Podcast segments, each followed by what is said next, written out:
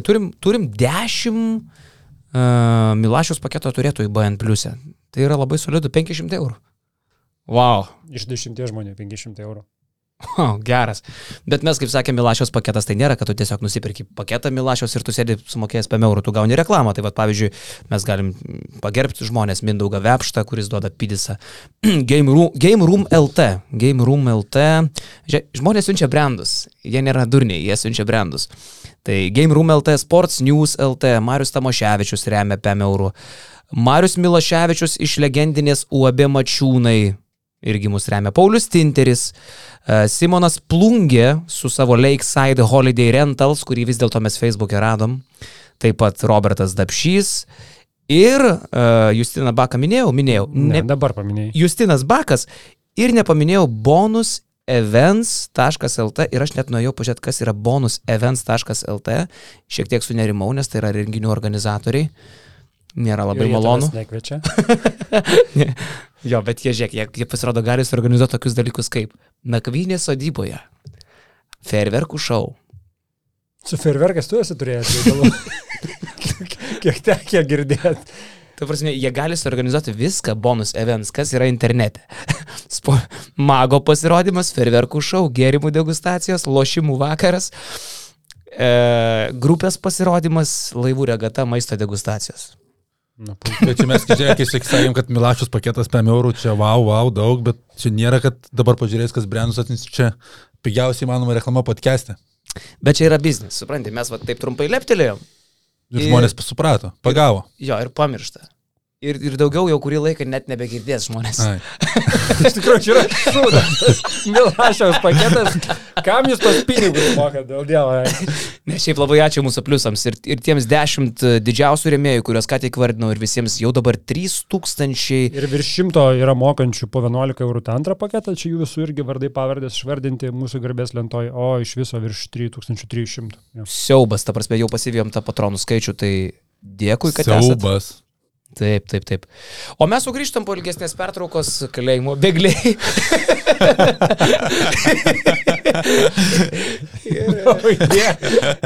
Nu, Nežinau, kodėl man tai pasirodė. Bet jėkinga. Bet kažkaip aš visą dieną žiūriu į tave ir man, vat, aš nežinau, kalėjimo bėgliai gal kitaip atrodė, bet vat, kažkoks mielas tu man šiandien. o, o žinai, aš, ką aš pats savo primenu? Aha, Aš primenu savo Ži- Žilviną Gasiūną. Žilviną tratą, tu gal savrimai. Kažkur seksy toks visai. Ratas. Tra. O gasiūnas palauk. Ai, labas gas. Nu. Jis maruojas tokia man. Va, aš galvoju. Aš šiandien apsirengiau ir galvoju, aš atrodo kaip Gasiūnas. Jis man atrodo ne? per labas gas e, balių sėdėjo, kir- girtas su tokia maikė irgi. Aš, aš jį vedžiau. Tai jo, tai nežinau. Gal ir gerai. Gal ir nereikėjo šitą sakyti. Gasiūnas labai fainas bišas, mes esame su juo irgi pasidėję. viskas. Geria daug tik. Šito gal ir nereikėjo. A, nu, jo. Gerai, sveiki dar kartą visi žiūrovai. Taip, e, kaip jaučiat, e, turbūt e, ta sugrįžimo nuotaika pulsuoja visai smagiai. Turim apie ką pasikalbėti, daug aktualijų visokių tai yra pribirę. Gerai patostagavai. Gerai. Matosi, kad gyvas, grįžai gyvas. Ar ne? Jo. Šiandien gal visą naktį nemiegau dėl to. Mhm. Širdelė kažkaip labai Tu stuksena. gyvas. Nu, toks, žinai, nuovargio, uh, nuovargio energija, kai atsiranda. Žinau, žinau, ką tai reiškia. Nu, pe, iki penkių ryto prasivarčiau, valokardiną geriau. Rimtai. Nesupratau, kas buvo. Mes tai, Stiprios atostogos. mes tai su Lekšu apšilom kojas aną savaitę. Bet tavęs labai mielai ir maloniai, bet aišku, dar maloniau tave čia matyti. viską. Ačiū. Jau rašys išeit, man atrodo. Pa, Ne, pa, pasakinę pradžios. Aš kažkaip tai, taikiai labai sugrįžau. Reikėjo tų atostogų, šiaip labai noriu padėkoti į šitą kamerą Valdemarui Homičiui, kuris priėmė mus su Vytautu Mikaičiu savo e, namuose Tenerife'ai. Tarp kitko, aš pirmą kartą gyvenime taip toli keliavau. Tenerife yra labai toli, o Homičius, olimpinis čempionas, važiuoja ten kiekvienais metais po kelis kartus. Jūs turite nusipirkęs dvi hatas, iš kurių pastovi vieną kitą nuomoja, arba vieną, jeigu pats gyvena tuo metu. Tai mūsų Mikaičių ir mano gintariais ten įsileido keulės į bažnyčią. Pasigilėjo? Nežinau, mes jam labai smagiai sukom Audrius Eurusevičiaus firminius gitaristus. Tu žinai, kas tai yra. Ir tu Žinau, kas žinau. tai yra. Išvažiuojant, taip ranką dar spaudė, ar jau taip jau. Tai da, da. Spaudė, spaudė, Spaudė. tvarkingai, pasėmė iš oro uosto, nu, jau nuvažiavom patys, bet pasakė, kuris taksas. Tai jau ir tai, manau, kad pagarbo ženklas. Palajus tos sijonus prasivežėt? E, Palikom e, jam, mes dovanų Visus nupirkom. tris? Mm, Ne, ne, vieną. O tai savo irgi pirkot. Taip, Tai parsivežiai. tuos parsivežiau jo. Aš galvoju, kad tu čia atvarysi šiandien į ofisą su Sijonuku. Ne. Šiaip gerai, fainai. Trumpa tik tai kelionė, nes skaityk, dvi dienas pasibuvom, tris dienas skraidėm. Nes atkėlė skrydį vizieras iš Londono neišėjo nuskristi, nu žodžiu, tokia paliava. L kosmoso dabar keliauti. Nu. Tai ir visą banką palikai kelioniai. Skundėsi atėjęs nuo pat ryto, kiek daug viskas kainavo, restoranas kainavo, ešerys kainavo, jachta kainavo. Ne, nusipranti, kaip buvo. sako, valdas sako, va dabar aš jums parodysiu šalį, žinai, Tenerife, va dabar mes čia pavažinėsim, tai nuvarom į restoraną, sako, patį šustriausią restoraną, žinai. Blemba galvoju, kažkaip net nepa- nepatogu prieš valdą, čia praėsim, žinai, Mikaitė susisakė oktopusą. Aš e, ten irgi jautinas jau tokį befštrogeną, kaknadą. Pa, nepatogu, bet kur čia brangiausias, kokį čia pasiimti. Jeigu jau galiu pamatyti. jau, jau tokia Vincenzo pasėmiau irgi. Vincenzo pasėmiau, pavadinimas buvo Bitvai Matė. Žinai, kad jau taip būtų, žinai. Nu ir ką tu galvoji? Kažkaip atnešė sąskaitėlę ir žiūriu, kad ten. Valdas skaičiavkai. jo, jo, ir aš kažkaip taip, nu, žiūriu, ten daugoka ir kaip matau, mes čia metamės jau tuos pinigus, tai supratau, kad ir man reikės mokėti. Tai va, tai ten. Ašara ištryško. Jo. Tai kaip įvyko tas, kai sąskaitą reikia mokėti? Ne, nu tai tiesiog, nu tai susimetam. ok. Tai va, o paskui žinai sako, o dabar, Hebra, aš jūs nusivešiu į jachtą. Bet jūs jau, jau turėjote įtarimą, jau, jau, jau, jau čia galimai, jau čia kainuos visgi. Tai aš prieš sėsdamas į jachtą sakau valdelį, o kiek čia pinigėlių dar tą jachtą, žinai? 650, gerai važiuoju. tai va, tai taip, dar tenai. Bet šiaip, šiaip tai dėl, jokauju visiškai dėl ten tų pinigų, nes realiai buvo, nu, mano pirmos atostogos turbūt per 10 metų apskritai kažkas panašaus į atostogas. nu tai man buvo smagu, kad ir tos penkios dienos. Skolingų neliko. Ne, ne. Bet jeigu kažkas liktų skolingas, jam gali padėti. Eskolas LT, mūsų partneris. Eskolas LT, nepaisant mūsų nusišnekinėjimų per pirmus du kartus, kažkokiu būdu grįžta trečiam kartui. Vadinasi, žinok, žmonės iš, išsi... išsi... Tavak, sakė, negalima sakyti. Negalime ir to žodžio sakyti. Išieškojimas. Skolos išieškojimas yra šitas žodis teisingas. Taip, taip, taip. Čia, čia reikia žmonėms paaiškinti, ta prasme, visgi kokio, kokio tai yra lygio partneris. Nu, iš tikrųjų, nu, kitas po pirmo karto būtų pasakęs, eikit vėliau, ką jūs čia, ką jūs čia darot. Jis nesugebėt paaiškinti mūsų paslaugos. Pirmą kartą nesugebėjom paaiškinti, antrą kartą... Mes taip antrą- blogai paaiškinam, kad žmonės klausytojai pradeda patys aiškintis paskui. Kaip čia iš tikrųjų ir tada, nu, Nes realiai taip ir gavos. Pirmą kartą mes neišaiškinom iki galo, antrą kartą manęs nebuvo, bet jūs išaiškinat per daug. tai bandom trečią kartą, gal, gal, Pabandom. gal pagaliau kažkas pavyks, ne? čia žinai, kas yra. Gal jau eskolos tikrina, ar mes galiausiai galim jas, galim normaliai jas pareklamuoti. Gal čia tas atvejis? Jo, bet e, šiaip beje, vakar mačiau Eskolas LT reklamuojasi ir per teleką, jie buvo matomi per U6 U20 finalą. Mm, tai tai va, babkių reiškia turim. Jo, tai taiko... Kaip, kaip įmonė pati. Bet aš sakau, sutinku Krisa Žemait visada, jis visą laiką laimingas po podcast'o to, kai jūs čia buvo, sako, Beručki iš karto, tik išgirdo skolas, gražino skolas, niekur, niekur nereikėjo kreiptis, užteko pagazdinti viskas. Kitą dieną Beručka gražino. Tarp kitko, aš netgi galvoju, kad mes galėtume padaryti mūsų podcast'e e-skolos specialią rubriką. Jeigu mūsų klausytojai turi problemų, ar ne, e, nedidelės skolos, kur dar nenori kreiptis į aukštesnę instanciją, tai yra į e-skolos, jie prieš tai gali kreiptis į mūsų podcastą. Mes pagrasinam, kad mes perdosim jūs, jūsų skolininką e-skoloms ir vad Beručkos pavyzdys rodo, Ja, veikia. yra daug šansų atgauti jums sąžiningai priklausančius pinigus. Apie pinigus vakar matai Vyto story, kurias siuntėjome SMS, kad sunus į avariją pateko. ir sako, Vytas, pidisoką pervedu, jis dar išlenkt butelką mėgstą nupirkti.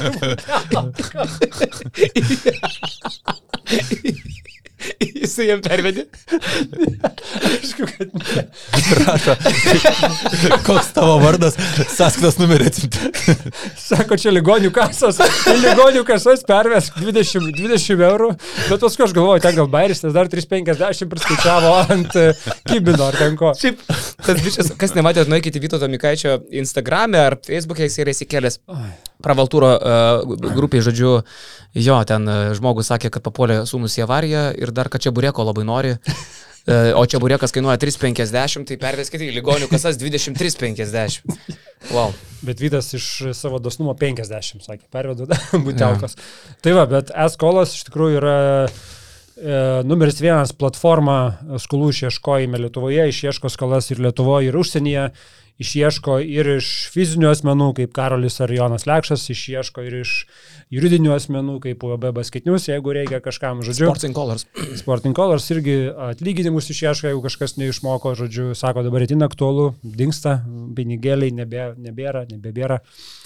Tai žodžiu, uh, Eskolos LT, toje platformoje visa informacija. Kreipsis. Esminis turbūt dalykas tas, kad jie arba skolą iš karto pasiūlo nupirkti, e, įvertinę rizikas ir tu iš karto gauni pinigus, arba ilgesnis variantas, kurie bendradarbiauja kartu ir tą visą procesą būni kartu ir turbūt paskui atgauni daugiau pinigėlių. Uh, Na nu ir aišku, kadangi jau čia mūsų klauso 8 minutę, kai mes kalbam apie eskolas, tai jeigu jums tai aktualu, nuolaidos kodas basketinius 20, basketinius 20, su juo 20 procentų nuolaida skolos išieškojimui. Aš nežinau, ar tu minėjai, bet jie perpirkti skolą gali, sakė šitą? Jo, taip. Sakė, tai viskas, taip. nes man tas patiko. Tipo, net nenori knistis, iš tavęs nusiperka skolą. Beručka, pažiūrėjau, skolingas ten buvo kiek? Šimtą? Nu, ten buvo jisai prisiskolinęs normaliai. Normaliai? Jo, tai. Nu, tai va, tai skolos galėtų pasimti iš... Gal iš pasvalio pinigų negauti? Duoda krisui, tarkim, jeigu Beručkas skolingas 300, duoda krisui 100 ir su Beručka toliau aiškinasi. Jo. Jau, jau, jau rimtesnės jėgos. Žinau, gali skolos perpirkti žalgerio išpirką už Dovį Gedraitį? Aš e, labai to norėčiau. Aišku, nežinau, ar eskolos sumokėję tiek daug pinigų, dar turėtų pinigų mums e, reklamuoti juos, nes, nu, wow, ta prasme, do... Vat jau gal tada pereinam prie basketbol ir linksmų. Dabar jau pasijuokime iš tiesų. 150 tūkstančių už Dovydą Gedraitį jūs juokaujat, už krepšininką, kuris nežais kitą sezoną žalgyrėje? Aš, nu, aš, aš girdėjau, mes su Lekša šitą perskaitėm naujieną ir girdėjau, Miklovas grįžo pavalgęs, atsisėdo čia kitam kambariukį ir girdėjo, kaip Elas bandys iš toleto. 150 tūkstančių uždovina Gedraitį. aš kažkaip, aš pirmiau netgi aš perskaičiau lietuvišką naujieną ir aš kažkaip prašokau, neužfiksavau to, tada perskaičiau mūsų anglišką naujieną ir tik angliškai naujienai užfiksavau skaičių, nes pirmiau pamačiau Twitter'į irgi linką, kad suma šeši ženklė ir aš dar mintį dėlioju šeši ženklė, tai čia virš šimto tūkstančių ar iki šimto. Šimto, nes milijonas jau yra septyni skaičiai. Ok, galvoju. 150 uždovė Gedraitį. Nu, neįvyko tai, ko aš galvojau, kad jau įvyks. Galvoju, Žalgeris pasielgs taip. Nu, neims šiais metais Davido Gedraičio, tokio atrodo jau lengvai pasiekiamo vaisiaus, nes, nu, dar nieko neįrodė, dar gali pažaisti žemesniam lygiui, ką beje jis ir darys toliau ir dėl jo dar nesiplėšys, neplėšys marškinių. Apie išpirką aš tokia net neįsivaizdavau, kad Žalgeris saulės draskys kelnes. 150 tūkstančių eurų už žaidėją, kuris pas tave kitais metais net nežais. Nu gerai, gal prisijungs kitais metais į Sky, jis bus iš karto kažkoks toksai labai svarbus lyderis. Aš, netu, aš nesuvokiu šitą momentą. Jo, kolega Čerokas Pakienas paskelbė šitą naujieną, tai kaip ir buvo tų kalbų anksčiau, kad Žalgeris kaip ir domisi Davidu Gedraičiu, bet nu, kad Davidas Gedraitis yra tikrai įdomus, ateities žaidėjas čia yra faktas vienas perspektyviausių, bet mokė dabar 150 tūkstančių žaidėją, kuris yra traumuotas, jam po sezono buvo atlikta čiurnos operacija ir jisai sezono startą praleis. Tai akivaizdžiai, kad po tos traumos reikės laiko kitame sezone įsivažiuoti, kad tu kažką parodytum. Ir tai nėra jo pirma trauma, kas, kas vėlgi, nu jau tam tikri varpeliai skamba. Su, su visa meilė Davido Gedraičio, tikrai mes apie jį esam kalbėję daug ir daug, daug gerų žodžių. Bet tai yra tam tikri skambučiai, kurie skamba ir, ir tuos skambučius tu privalai klausyti. Nu, tai nėra jo pirma trauma ir tai nėra jo pirma lengva trauma. Jo, ir kai tu gali gerai, Tovidas Gedraitis kaip žalgerio ateities projektas, viskas gerai, bet dabar pagalvojam, dviejų metų kontraktas buvo likęs su studentės, praeina metai, kitą vasarą lieka vieni metai, tai kalbėtis dėl išpirkos kompensacijos yra žymiai lengviau, kuomet yra likęs vienas sezonas, automatiškai ta kompensacija dar yra žemesnė. Plus dar aš pridėsiu greičiausiai studentės kalbėtųsi, nes studentės reikia sugrįžti į aukščiausią lygą Ispanijoje, kad jie apskritai galėtų Dovydą pas save kviestis. Jie Taip. vis tiek ieškotų, kam jį skolinti, bet kuriuo atveju kitais metais. Nes, Taip. nu, laimėtis Ispanijos antrą lygą irgi nebus taip lengva. Taip, tai nežinau, 150 tūkstančių mokėti, kur man atrodo kitą vasarą tai išpirka būtų tikrai mažesnė. Nu, Arba- mes to nežinom, nu, nebent tai Bet aš išpirka labai- dar didesnė būtų. Bet aš labai abejoju, kad per šį sezoną Davidas Gedraitis taip pasikeltų savo vertę, kad jau kitą sezoną Žalgiris negalėtų išpirkti ir neparduotų. Aš nemanau, kad ir po dviejų sezonų, kad bus toks įspūdingas šuolis, kad jis jau bus pasiekęs tą Eurolygos lygį, turės stabilės minutės ir Žalgiris jį pasibaigus kontraktui nebūtų galėjęs paimti, nes kažin kiek Eurolygos klubų po tų dviejų sezonų jo norėtų. Tai ne, nežinom, kiek metų pasirašoma ta sutartis, bet man mokėti 150 tūkstančių žaidėją, kuris pastai kitą sezoną pirmiausia nežais, kitas dalykas jis atvyksta po traumų. Tai man atrodo, kad Žalgiriui yra per didelė prabanga. Nu ką, tai čia paskutinis Žalgirio pirkinys, Panašu, panašu, kad taip. kuris, dar, kuris ir nežais kitą sezoną. Tai Žalgiris jau yra toks, koks yra. Po Igno Brasdeikio pasirašymo nėra dar paskelbtas, paskelbtas oficialiai Kevarisas Heisas, kuris bus Žalgirėje. Tokia ir bus komplektacija, bent jau pradžiai sezono, kaip Nu, dar Ignas Brasdeikis tris dienas, e, kaip sakyt, laikom čiurkas, kad e, jisai ne, negautų kokio MBA pasiūlymo, ne? Nes iki Liepos 28 dar Bet galėtų turbūt išėti. ir nėra šansų. Ta prasme, NBA išėjo atostogų, elementariai taip, e, ta prasme, klausiau čia irgi vieno amerikietiško podcast'o, sako, NBA pirmą kartą po dviejų metų pertraukos turėjo normalų grafiką ir turi pirmą vasarą, kada gali ir klubų džiemai, ir, ir savininkai, ir šiaip darbuotojai patostogauti. Tai realiai su lyg Las Vegaso vasaros lyga visi užkalė langus, išvažiavo viso gero. Mhm. Tai kad išsispręstų čia Brasdeikio dabar situacija per tas kelias dienas, nu, ką žinai, ar, ar tai, tai manom. Bet jeigu grįžtant dar prie to klausimo, 150 tūkstančių. 150 tūkstančių tai yra pinigai, už kuriuos tu gali atsivežti Europoje patirties neturinti amerikietį gynėją, kurį tu įmeti ir be didžiulio reikalavimų. Jisai būna 11 žaidėjas. Tebūnė, ne? Bet tu, tu, tu jį gali augintis, tu gali iš jo kažko tikėtis, jisai tau gali iššauti kartą per sezoną ar du ir jau čia bus kažkokia tai vertė, jeigu tu jį pasirašai galbūt ten su kokiu pliusu dar kitam sezonui. Čia tai, man tai klausimas esminis, kokia yra konkurencija šitoje vietoje, su kuo tu konkuruoji. Ta prasme, buvo reali situacija, kad kažkas jį nugvelbs, kitas, kažkokia kita komanda pasiims ir tu taip dėl to... Nu, Pakenas rašė, kad su kažkuo ten dar tampėsi, neva. Rašiau aš Žalgiris. birželio dar pradžioje, kad Vulfsai buvo susidomėję ir Lietkabelis nori jį iš, išsaugoti. Tai netmeščiau varianto, kad taip ir bus Žalgiris nusiperka, jis sumoka išpirka ir skolina į Panimžį Lietkabelį. Mhm. Šiaip e, dar net meskim to, kad jisai Žalgeris skolina, bet moka ir dalį atlyginimo. Tai gautųsi, kad tos išlaidos yra dar didesnės, nes, na, įprasta praktika, kad jeigu tu skolini kartais, uh, kartais tu moki bent dalį atlyginimo pats. Ne? Visai būna. Nu, Pavyzdžiui, visai būna. praeitą sezoną už Dimšą susimokėjo Italijos klubas, Mhm. kuriam, kuriam jisai žaidė. Tai ir visokių atvejų būna. Mhm. Tai, tai gal ir čia kitas klubas mokės, bet... Bet nu šiaip, 150. Nu tai, kai tu nededi savo pinigų, tai tu gali juos taškyti kaip nori. Nu. Aš sakau, aš, man ne, nebūtų pikta, jeigu Vulfsai taip drapstytųsi šaibom, nes tai yra jų pinigai, žemelio pinigai, ką nori, tą darai. Nu, ir, Tai čia, čia šiuo atveju taškomi yra tiesiog valstybės pinigai. jo, okay, dabar man atrodo galim ir aptarti Žalgirio visą komplektaciją. Žiūrint į tą, Žalgiris persitvarko daug naujų ėjimų, Ignas Brasdeikis naujausias, šviežiausias e, pirkinys, apie jį kažkiek kalbėjome jau praėjusią savaitę su Jonu ir Luku čia būdami. Tai dėl Igno Brasdeikio man kaip ir viskas aišku, kai yra tokia situacija rinkoje, Žalgiris praranda tos pirmasias opcijas į antrą poziciją, tu turi imti Igną Brasdeikį. Vakar rašiau tekste, kad viskas atrodo gražu, potencialas tapti Eurolygos žvaigždė yra pas Igną Brasdeikį, bet manau, kad čia reikės ir nemažai kantrybės. Ir tai pirmiausia yra tiek susijęs su tai, kad Ignas Brasdeikis bus irgi krepšininkas naujas Europos krepšinėje, ne veltui visi Eurolygos klubai su, su didelė baime žiūri tuos žaidėjus, kurie iš karto iš už Atlanto persikėlė ir pirmą sezoną žaidžia Europoje, tai Brasdeikis susidurs su tuo, nes jo ir žaidimo stilius, ėjimas giliai į baudos aikštelę Amerikoje yra visai kitoks, nelaukia ten žmogus po krepšių didelis tavęs, nes ten yra 3 sekundžių gynyboje pa- pažeidimas taisyklių, tai, tai čia turės visiškai, visiškai kitaip skaityti žaidimo, o kitas dalykas dėl pačios žalgerio sudėties. Iš Igno Brasdeikio bus reikalavima tie dalykai, kurie nebūdavo jo stiprioji pusė net ir už Atlanto. E, Kalbu apie pirmiausia kūrybą. Žalgeris neturi tikro kurėjo. E, Kinanas Evansas, Lukas Lekavičius yra daugiau žaidėjai atakuojančių tipo gynėjai. Mantas Kalnėtis taip yra tas kuriejas, kuris pir, pirmojo jo yra pirmasis pasirinkimas atlikti perdimą, bet tai nebus žaidėjas, kuris daug minučių žais Eurolygoje. Šis tai... man tas yra paslaptis, neaišku, kas jisai bus toksai, ar jisai žais tą krepšinį dar bent jau pusę tiek, kiek jisai buvo matytas žaidęs kažkada, ne?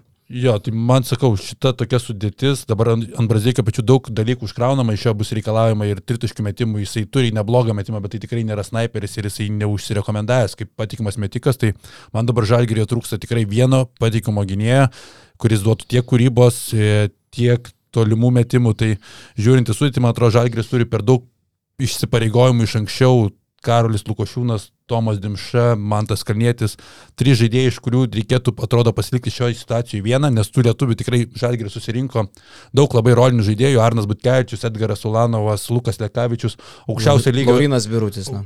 Kalbu apie aukščiausio lygio rolinių žaidėjus, kurie tikrai Eurolygoje padės. Yra tų krepšininkų, kurių yra jau tada perteklius tų žaidėjų pagalbinių, tai man atrodo, kad tokių vedančių žaidėjų žalgirių trūksta ir jeigu iš tų trijų, kuriuos minėjau, Kalnėtis, Lukošiūnas, Dimša, pasiliktume vieną ir tuos kitus du pakeistume vienu užtikrintų gerų žaidėjų, kad, kurio būtų alga apie 400 tūkstančių, nuėmus dviejų žaidėjų Lukošiūno ir Dimšos, kas yra apie jų algą kitą sezoną. Čia reikia šitą truputėlį akcentuoti, nes čia mane irgi privertė įsižiūrėti šitas tavo. Taip, tai Dimša Lukošiūnas apie 400 tūkstančių, tai yra vienas solidus Eurolygos lygio, jau gal net ir žaidęs Eurolygo gynėjas, dar pridėjus kažkiek to vido gedraičių išpirka. Tai gaunam 550 tūkstančių eurų.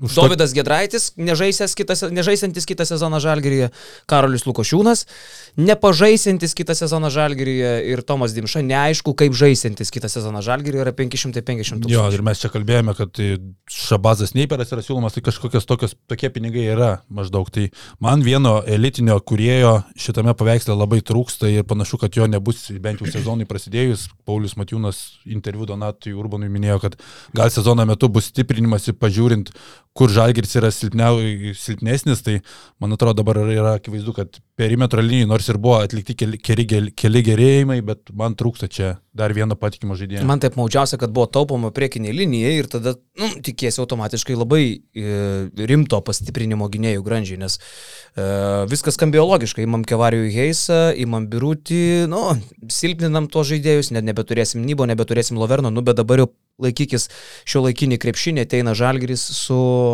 keturiais gerais gynėjais. Atėjo Ignas Brasdeikis, labai džiaugiuosi, bet kiek jisai gynėjas čia yra klausimas. Tokio mėsmaliai su Butkevičiumi ir Ulanovu kartu, labai panašaus plauko žaidėjai. Ateina Kinan Evans, viskas ok, bet kaip tu ir sakai, kur tada tas kuriejas, nes turim Luką Lekavičių, turim klibantį Mantą Kalnėtį. Man tai tas kuriejas net nėra tokia. Man tai dar būtinas gal, žinai, vienas, gal, vienas gal, kuriantis gynėjas. Gal kuriejas net nėra problema, nes nu, yra vienas prieš vienas gerai žaidžiantis krepšininkai ir tas pats Brasdeikis ir, e, ir Evansas, ir, ir Lekavičius, bet man didesnė problema tai, kad nuo, nuo Brasdeikio ir aukštyn nėra metančių iš toli. Yra Kavanau, iš, ta prasme, žiūrint į aukštesnės pozicijas, bet uh, nei Ulanovas, nei Butkevičius, nei Šmitas nėra. Šmitas ta pusė bėdos, ar taip ne? Pusė bėdos, nu, bet tu gali sakyti. Butkevičius, žinok, neblogai, statinės tai padėtis. Taip pat irgi gali, gali, gali sakyti neblogai, bet tai nėra tie, žinai, kur tu užtikrintai nusimesi kamolį ir ten... Nesnaiperiai, faktas. Iš laisvo, iš iš laisvo kampo jisai smėg, žinai, keurą. Tai vad, žiūrint į šitos, man čia, kad, nu, turi tokį brasdeikį ir tikrai, aš, aš, aš irgi esu likęs, linkęs sutikti su tuo, kad tai yra geras sprendimas, jeigu tu gali paimti Igną Brasdeikį, tu jį paimi ir, ir paskui žiūri, kas bus, bet, uh, bet jį privalai paimti. Ir tiesiog matyti, kaip jisai pristaiko. Bet žiūrint tai, kas yra aplink jį, kad nėra metikų pakankamai, man čia yra didesnė problema, nei kad to kurėjo tokio nebuvimas. Jo, mes kiekvienais metais buvome įpratę, kad turim Artūrą Milaknį sudėtį, turim tą elitinį sniperį ir jisai gali per, to, per sezoną kelis mačius išspręsti pats vien su savo tolimais metimais, pritraukiamo pagalba, dabar nelieka tokio žaidėjo ir toks atsisuki, kad Karolis Tukošiūnas, vienintelis žaidėjas, kuris, kurio yra pirminė opcija metimas, bet nu, mes žinom, kad Karolis Tukošiūnas nu, nežais Eurolygoje svarbių minučių. Ir niekada jų nežais. Nu, tikriausiai. Nu, panašu, taip atrodo, atrodo šiandien dienai, taip. kad tai nu, nėra žaidėjas dėjęs kokį nors didelį žingsnį, nepaisant to, jog jo rolė praeitą sezoną buvo žymiai didesnė negu anksčiau. Jo. Netrodo, kad tai būtų labai gaudantis vėją žaidėjas. Tai, tai va taip. Tai... tai taip, tas Igno Brazdeikio pasirašymas, man viskas gerai, viskas gražu, džiaugiuosi, kad jisai čia atvyko, bet net ne dėl Igno Brazdeikio kalties atrodo, kad yra nemažai klaustukų šalia jo, nes būtent taip, kaip Žalgris apsikomplektavo aplink jį. Nu, šiaip tai gal perinam tada prie linksmėsnių dalykų. Lietuvos U20 rinktinė. Va čia tai vyriukai. Ir, okei, okay, labai gaila, nelaimėtas auksas, uh, mačas su ispanais, puikios rungtynės, visi, kas matė vakar po trijų kelinių lygų, PM5, PM5. Nu, nelaimėjo, tai nelaimėjo, bet pati šita karta, tas kovingumas, dvasia, už mane vėl užkrėtė e, meilę krepšinio, aš vėl prisiminiau, kaip gerą žiūrėti jaunimo rungtynes, kaip jie nuoširdžiai dvigubina, kiek jie įdeda energijos į kiekvieną veiksmą, kaip jie griūna, kaip jie prasiskelia galvą. Kažkokį tinklą koją įsivilioja. nu, Kiek noro, kiek meilės. Jo, jo, sportui. visiška meilė krepšiniui. Ir Bet man labai patiko. Kokybės nedaug. Nedaug. Labai- Nu, jau mūsų podcastas labai kokybiškas, pasakytų jie. Mūsų, mūsų krepšinis dar mažiau kokybiškas šiaip jau, bet žiūrėk, a, labai tinka pereiti ši- prie šitos temos, prijungiant prie anos temos. Žalgeris paleido Mantą Rupštavičių šią vasarą. Nepaleidžia. Nepaleido. Nepaleido? Sezoną jis dabar žais lietkabelėje, bet po sezono Žalgiris spręs, ar su juo pasirašyti, su jie teisės priklauso Žalgiriui po sezono. Ai, tai dar kažkokį Taip. turi tenais į į teisės. Aš manau, Tai kad turi? visiškai nutraukė. Ne, ne, tipo gali grįžti, jeigu norės žalgeris. Už 150 tūkstančių, paskui vėl pasims. Tai va, va, va, aš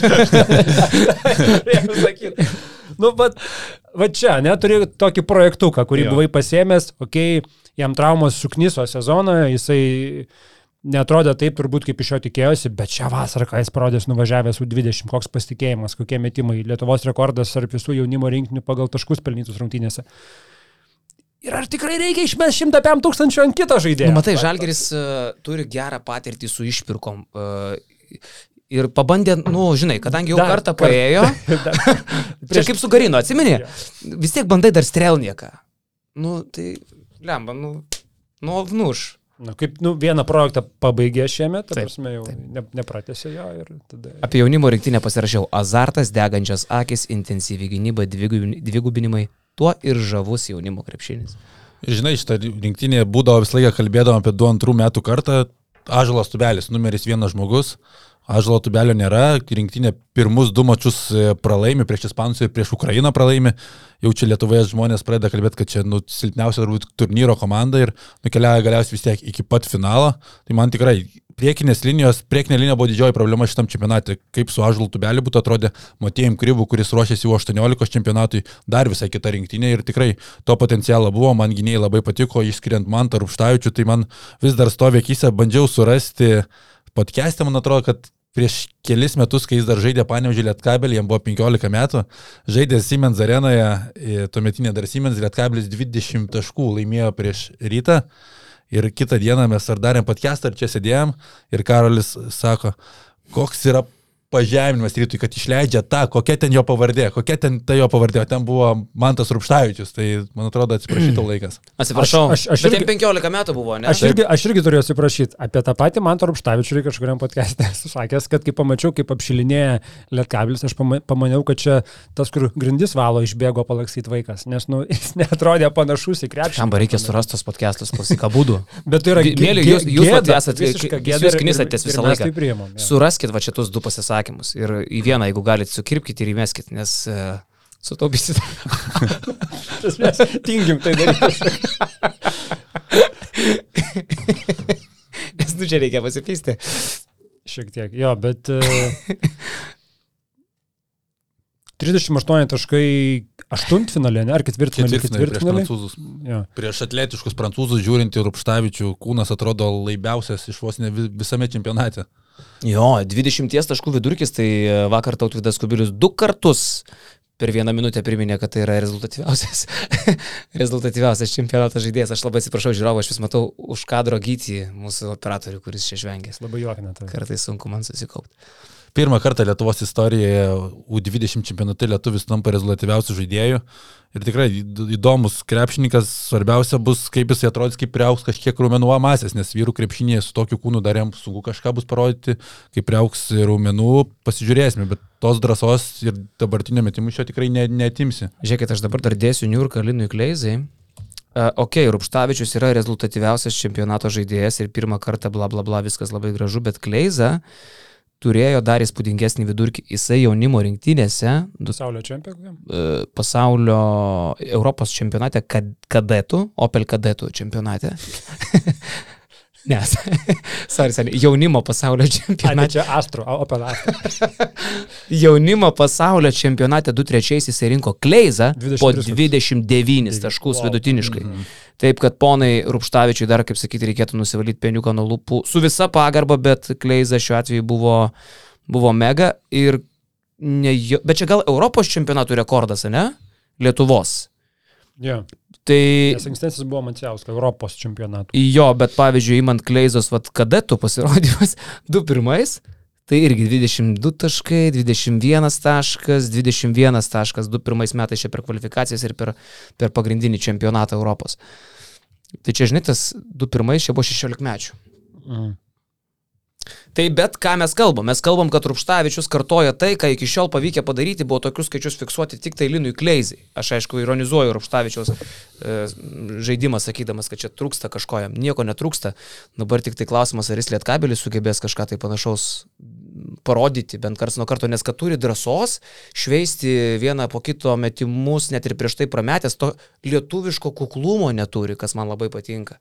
Nu, nepataikiau, užsidariau savyje, palikit mane ramybę, aš dabar verkiu duše. Ne, jisai nepataikė, jis meta dar vieną metimą. Matai, visos komandos žaidimas buvo taip statytas ir, ir treneriai akcentavo tokį laisvą, gal net tiek lietuvišką žaidimą, kad jeigu tik yra proga ir šveiskit ir pradžioj čempionato gal net žaidėjim buvo sunku tuo patikėti ir, ir prie to įprasti, kad tik turi progą ir tu šveiti. Jie turbūt per kelias rungtynės perslaužė ir jie šitą idėją patikėjo. Tai pats, pats komandos veidas nebuvo toks lietuviškas. Jiem buvo leidžiama mesti ir net skatinama mesti, kai tik yra proga. Panašu į tai. Čia treneris e, Minukas nereikia. Noreika. E, tas pats Rubinas irgi švaisto tos metimukus e, smagiai. Pivorius. E, Hubertas. buvau tik tai girdėjęs apie jį šiek tiek irgi. Vos gauna kamuolį, nedelsdamas metai iš toli. Jo, bet ką išskirti. Stenionis. Dar iš tos rinktinės, tai Rupštačius taip, bet man ir labai patiko Augustas Marčiulionis. Ok, metimai nekrito, nėra to užtikrintumo atakuojant krepšį, tai yra gal kažkiek ir suprantama, tu visą sezoną NCI buvai, daugiau sėdėjai ant suolo, nėra to ritmo, kamolys kitas, tai čia susideda tie dalykai, bet atletiškumas, pirmas jo žingsnis, drąsa, sprendimai dar nebuvo visada patys geriausi, bet aš visada sakiau, tikėjau jo potencialų ir man jis atrodo, kad gali būti ateities rinktinės žaidėjas tikrai žaidėjo grandyje. Man patiko. Metimai 23 iš šiam 8, 33 procentai kažkas tokio, a, bet nepaisant to. antras- 19 procentų trajekai vyrai čempionate. Antras komandai pagal pelnytus taškus po 9 taškus vis tiek rinko. Daugiausiai čempionate perimantis žaidėjas kamolių. Tai, Beveik po 3. tai 2-7. čia tie dalykai net išsiskiria, tai šešie tarp bendramžių, net prie prancūzų atrodė vos ne kūnas jo stipriausias ir šiaip matant, kiek pasiekė šitą rinktinę, žinant, kad ją tempia finale Žalgerio dublerių lyderis, o kitoje pusėje žaidžia NBA talentai, kurie, kurie jau Eurolygoje yra debi- debitavę, kai sėdo su Nuniezu, nu, tai čia yra ir taškas į tašką, kaunės iki paskutinių minučių, tai tikrai komanda viršė lūkesčius, manau, visų.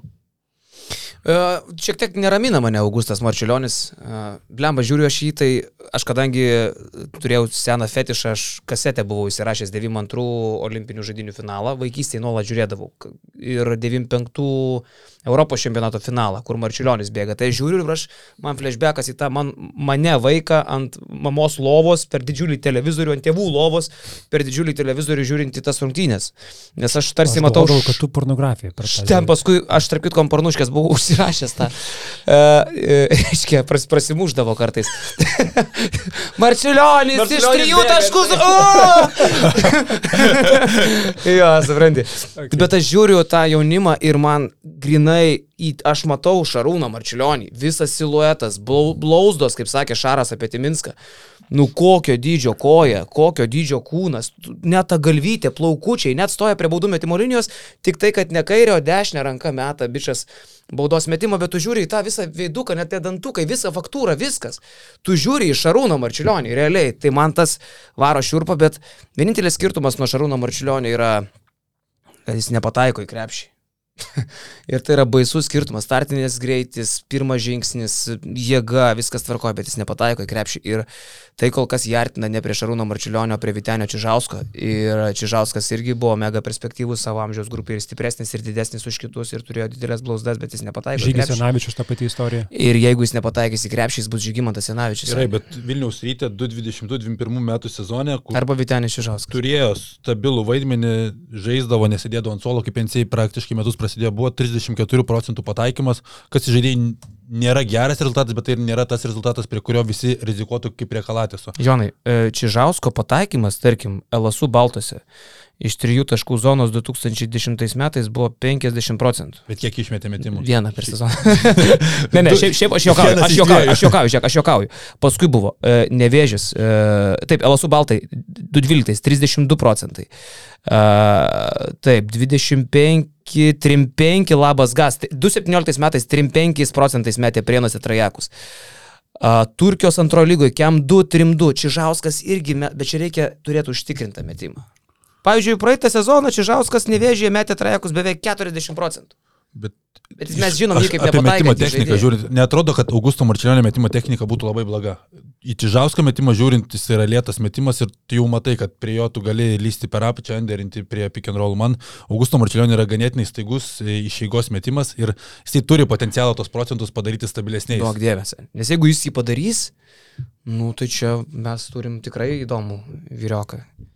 Jo, ir aš į U20 temą, jeigu pabaigiam čia su, su šiemet, tai padariau tą temą 2016 metų U20 čempionatas, Lietuva taip pat iškovoja Sidabrą, 96 metų karta ir žaidimukas tiesa ar melas, penki teiginukai, tiesiog prisimenant, kas ten buvo per žaidėjai ir ką jie pasiekė po šešerių metų praėjus. Palauk, dabar stop. Dabar tai aš pavarysiu, nes aš irgi pasižiūrėjau šitos žaidėjus. Tai aš jau dabar...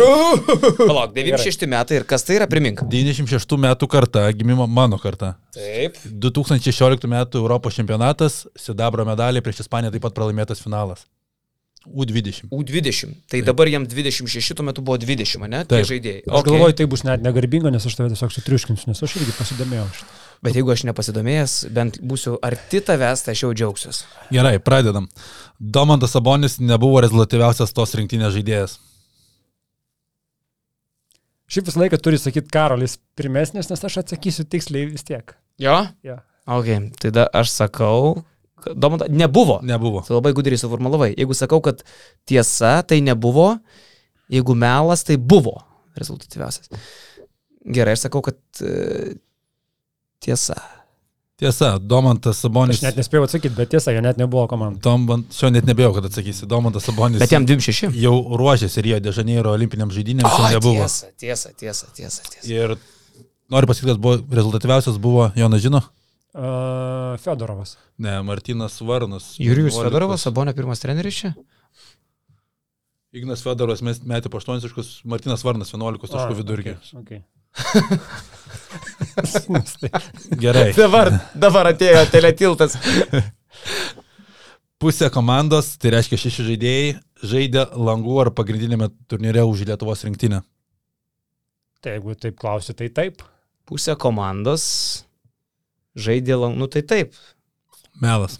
Tu kaip tu suformuoluoji tokį klausimą iš vis? Tai bus, Kad, kad jūs išdurčiau. tai bus 5 iš 12. Ne? Penki. Ir Krisas dabar ruošiasi, bet jis dar nėra debitavęs. Šaltna. Tai tie penki - Ehadas, Minetas, Sajus, Normantas ir Birutis. Vienas vienas, viskas. O tai gal tada dažnai, kiek, koks yra mano telefono numeris? Blema, tai tu gali paskaičiuoti, jeigu tu žinai tą reikia. Ar tiesa, kad mano telefono numeryje yra skaičius 7? Netiesa. Teisingai. Tai va. Kas iš to? Šaunuolis. Man čia labai gera, gera formuluotė. Sulėsiu. Labai gerai. Žaidėjai atsirado. Tam.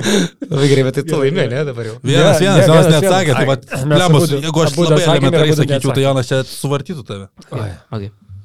Ir Kaip ir šita rinktinė, ta 2016 metų rinktinė taip pat tris kartus pralaimėjo čempionatą, bet nukeliavo iki finalo. Melas. Du kartus bus pralaimėjęs. Arba ne kartą. Aš nežinau. Uh, aš tada sakau priešingai tiesa. Aš laimėsiu. Tiesa. Pirmą mačą 68-90 pralaimėjo prieš turkus. Po to pralaimėta vokiečiams grupėje ir finale pralaimėta ispanams. Tai jau galėjai, ta prasme, Šitą pakeisti. nu taip, jau ten kažkaip Nu. keturis kartus pralaimėjo daugiau negu šita rinktinė. Ne, tai čia kaip tik įdomu. Galėsi daryti kitą kartą žaidimą. Tu gal, gal nori pasakyti lekšą, kad padėtų protmušių klausimus? Man dar galvot? reikia trijų klausimų. Tai va, Galėtum va vieną iš šitų paimti. Šiandien, tarp kitko, pasijungit šaiką, bus du lekšo klausimai. 21 val. lošiam tiesiogiai. Nu, Šį kartą tiek U16, tiek U18 čempionate pasiekia bent pusfinalius. Šit, šita rinktinė dabartinė. Ar ta, Ta tau Sabonio kartos. Bent pasiekė pusfinalius. pusfinalius ir 16 mečių, ir 18 mečių čempionatuose, ne? Uh, gerai, sakau, melas. Aš irgi melas. Jau pas pirmas už 16 ten jie feilino panevežiai. Melas. E, U18 7 vieta, U16 Lietuvoje, kai vyko 11 vieta ir abiejose žaidė Domantas Sabonis. Va, va, va.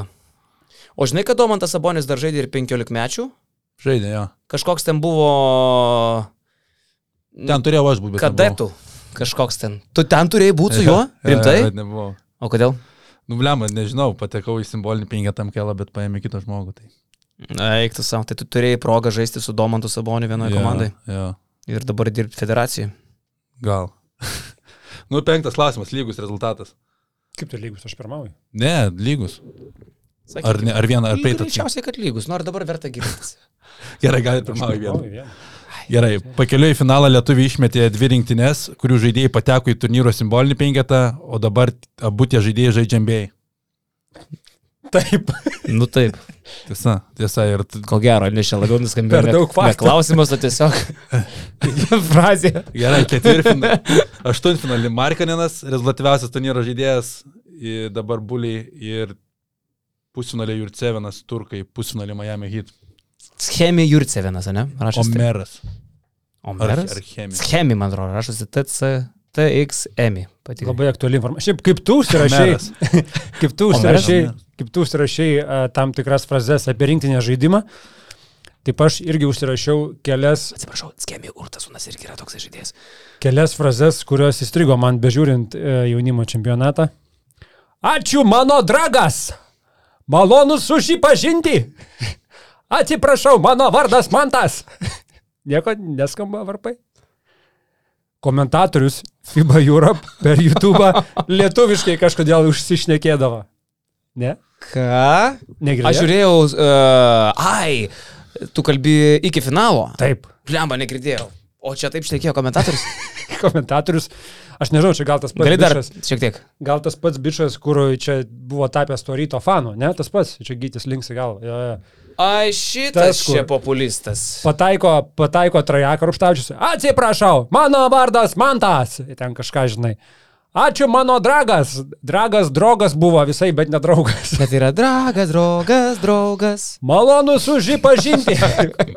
Čia reklama buvo. Bet Čia žodžiu, draugas, jisai- draugas pirko Ir kaip reklamą. suprantu, jis riekavo ir tą kitą kalbą. Ir, pavyzdžiui, pusfinaliai jis ir jo atkalnietiškai, kaip suprantu, riekaudavo, nes būdavo atkarpų, kur nesuprasdavai, ką jis ten pasako. Tai turbūt jis taip pat neaiškiai jo atkalnietiškai pasakydavo. Mačiau, kad komentavo žmonės, kad labai valio, labai čia gerai. Šiaip mes, žinau, kartais darom šitą bairį, nu, aš, ne, aš anksčiau gal esu vieną kitą kartą padaręs, kai tu žinai, kad tavęs greičiausiai niekas nepakritikuos, nes ta, šali, ta kalba kalbantys žmonės tau neparašys greičiausiai nieko, tai tu bileka, aš neki labiau kreipdamas vietinį auditoriją į tą, kad jie galvotų, o, tu, a, čia kalbėjai tą kitą kalbą, žinai. Tai ten pavarydavo kažką irgi, pičkų materį, tvajų materį. Ne, gal iki tiek, ne, bet Dieve mano, kaip priežia ausį. Aš jau turbūt senas žmogus, mane tai labai nervina. Tarkit, kad taip kaip tu dabar kalbėjai, tai mes vieną dieną tikrai kalbėsim po insulto. Kaip? Malonu, malonu, tu čia pačiai. Ačiū mano dragas. Jo, nu, nieko nepadarysi iš dalinė. Gal jisai nustos vieną kartą taip komentuoti krepšinį, aš kažkaip galvoju, kad ateis tą dieną. Ne, gal man atrodo, braliukas pasikvies ir ta. Braliukas! Jo. Tarp kitko, matėte dėjimuką ispanų vieną, K- kažtokio dar gyvenime nemačiau dėjimo. Iškilo Kurį metė kamalį? dėt kaip per kosminį krepšinį atrodė, kad ten peršoks lentą. Galiausiai ranka net nepasiekė krepšio ne šiek tiek, bet kamuolys sukišo į Pačiam gale realiai. Jo, jo. Wow, tokio dar nebuvau matęs. Jo, nu gerai, vyrukai. A, linkėjimai dar kartą mūsų 20 šaunuoliai. A, vyriai, vyriai, vyriai, vyriai. Labai gerai, dragai. Nu, tai va, ir keliaujam prie penketukų. Ir keliaujam prie mūsų finalinės podcast'o dalies. Iš tikrųjų, tai e, labai džiaugiuosi, kad mes tai padarysim, nes tikrai įdomu pakalbėti apie aktualijas. Siaučia Europoje komandos.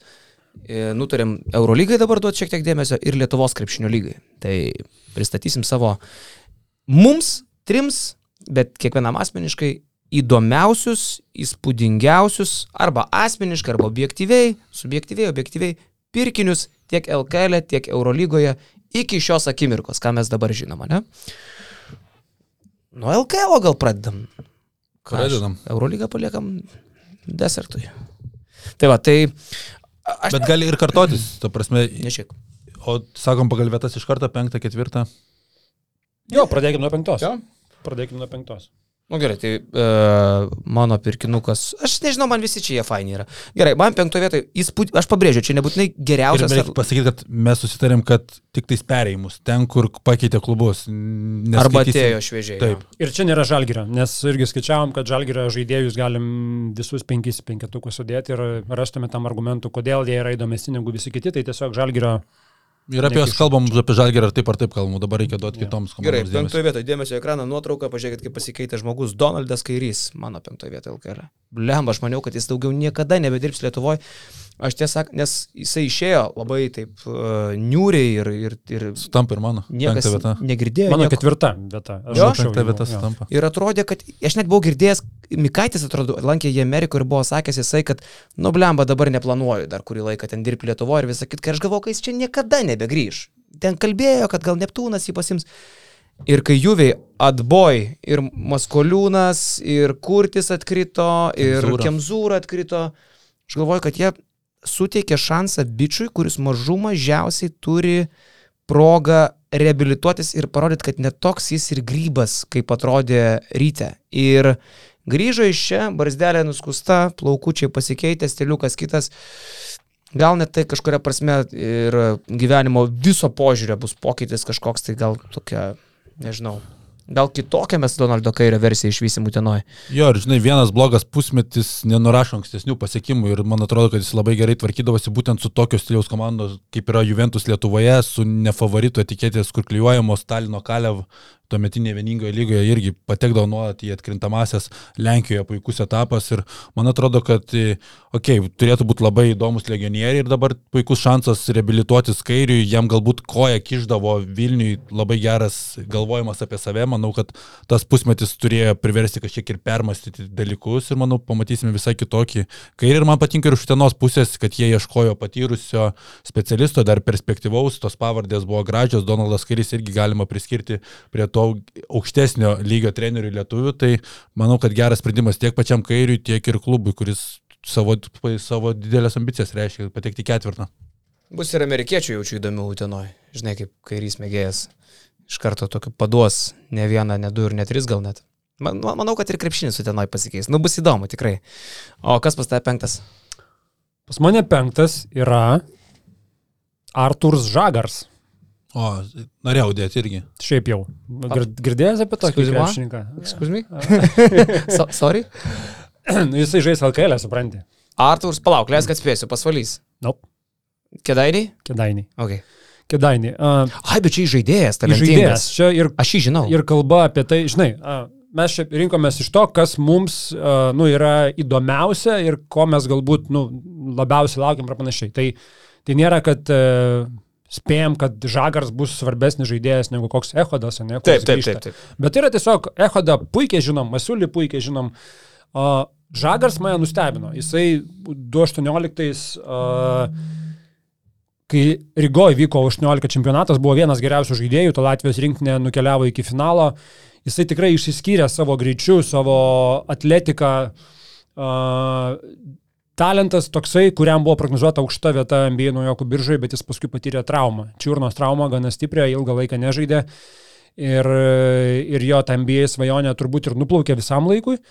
Bet jisai atvyksta iš Europos taurės, iš Badalonos komandos, Okay. uh, kur žaidė tikrai geram lygiai, Ispanijos lygoje žaidė, Badalonos, e, Europos tauriai žaidė.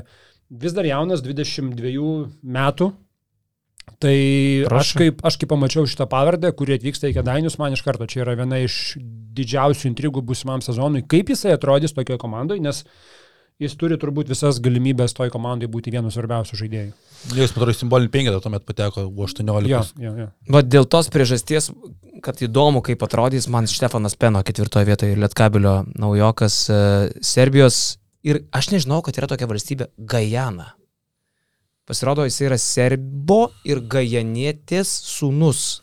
Tai vad Gajana, pažiūrėjau, yra Pietų Amerikoje šalis. Ok, bet ne taip svarbu, kur, kur ta šalis, svarbu, kad 24 metų žmogus, Barso sistemos auklėtinis, aukštas įžaidėjas, SGPG, atletiškas, greitas, toks, nu, irgi Net sakyčiau, PG tikras, nes neturi gerą metimo, bet... PGSG, jo, pag, labiau PG, aišku, PG. Jis ir Albai lošęs, Eurolygos patirties turintis, beje, ir Rokas Gedraitis, ir e, Marius Grigonis jį pažįsta, žaidė su jais. Bet ne apie tai. Jisai yra labai paslaptingas žaidėjas. Čia kaip Ignas Brasdeikis į Žalgerį, tu nežinai, ką tu iš jo gausi. Tai Lietkabelis irgi nusipirko žmogų, kuris nežaidė labai ilgai dėl traumos, labai jaunas, labai talentingas, bet traumuotas. Nusipirko daužtą mašiną. Ir, bet bet nu, gerų metų ir stiprią sportinę mašiną. Ir jeigu Nenadu Čianakui, serbui, šitą serbą pavyks pastatyti ant kojų, blemba Štefanas Peno, kuris ten prienuose šūkdo versiją darbus, ten žaidė vienas rungtynės, ten nieko negalim spręsti. Jis šitam lietkabelį gali driokstelti ir tapti tikrų Vilniukščių. Aš labai, man labai labai įdomus šitas pirkinys yra. Aš galvoju, kad nieko įdomesnio už Radyčevičių, už panašius pinigučius nebuvo galima nusipirkti lietkabelį. Jo, tai panašiai kaip Žagaras irgi Penos savo laiku jam buvo piešiama ateitis NBA, bet irgi sunkios traumos buvo karjeroje.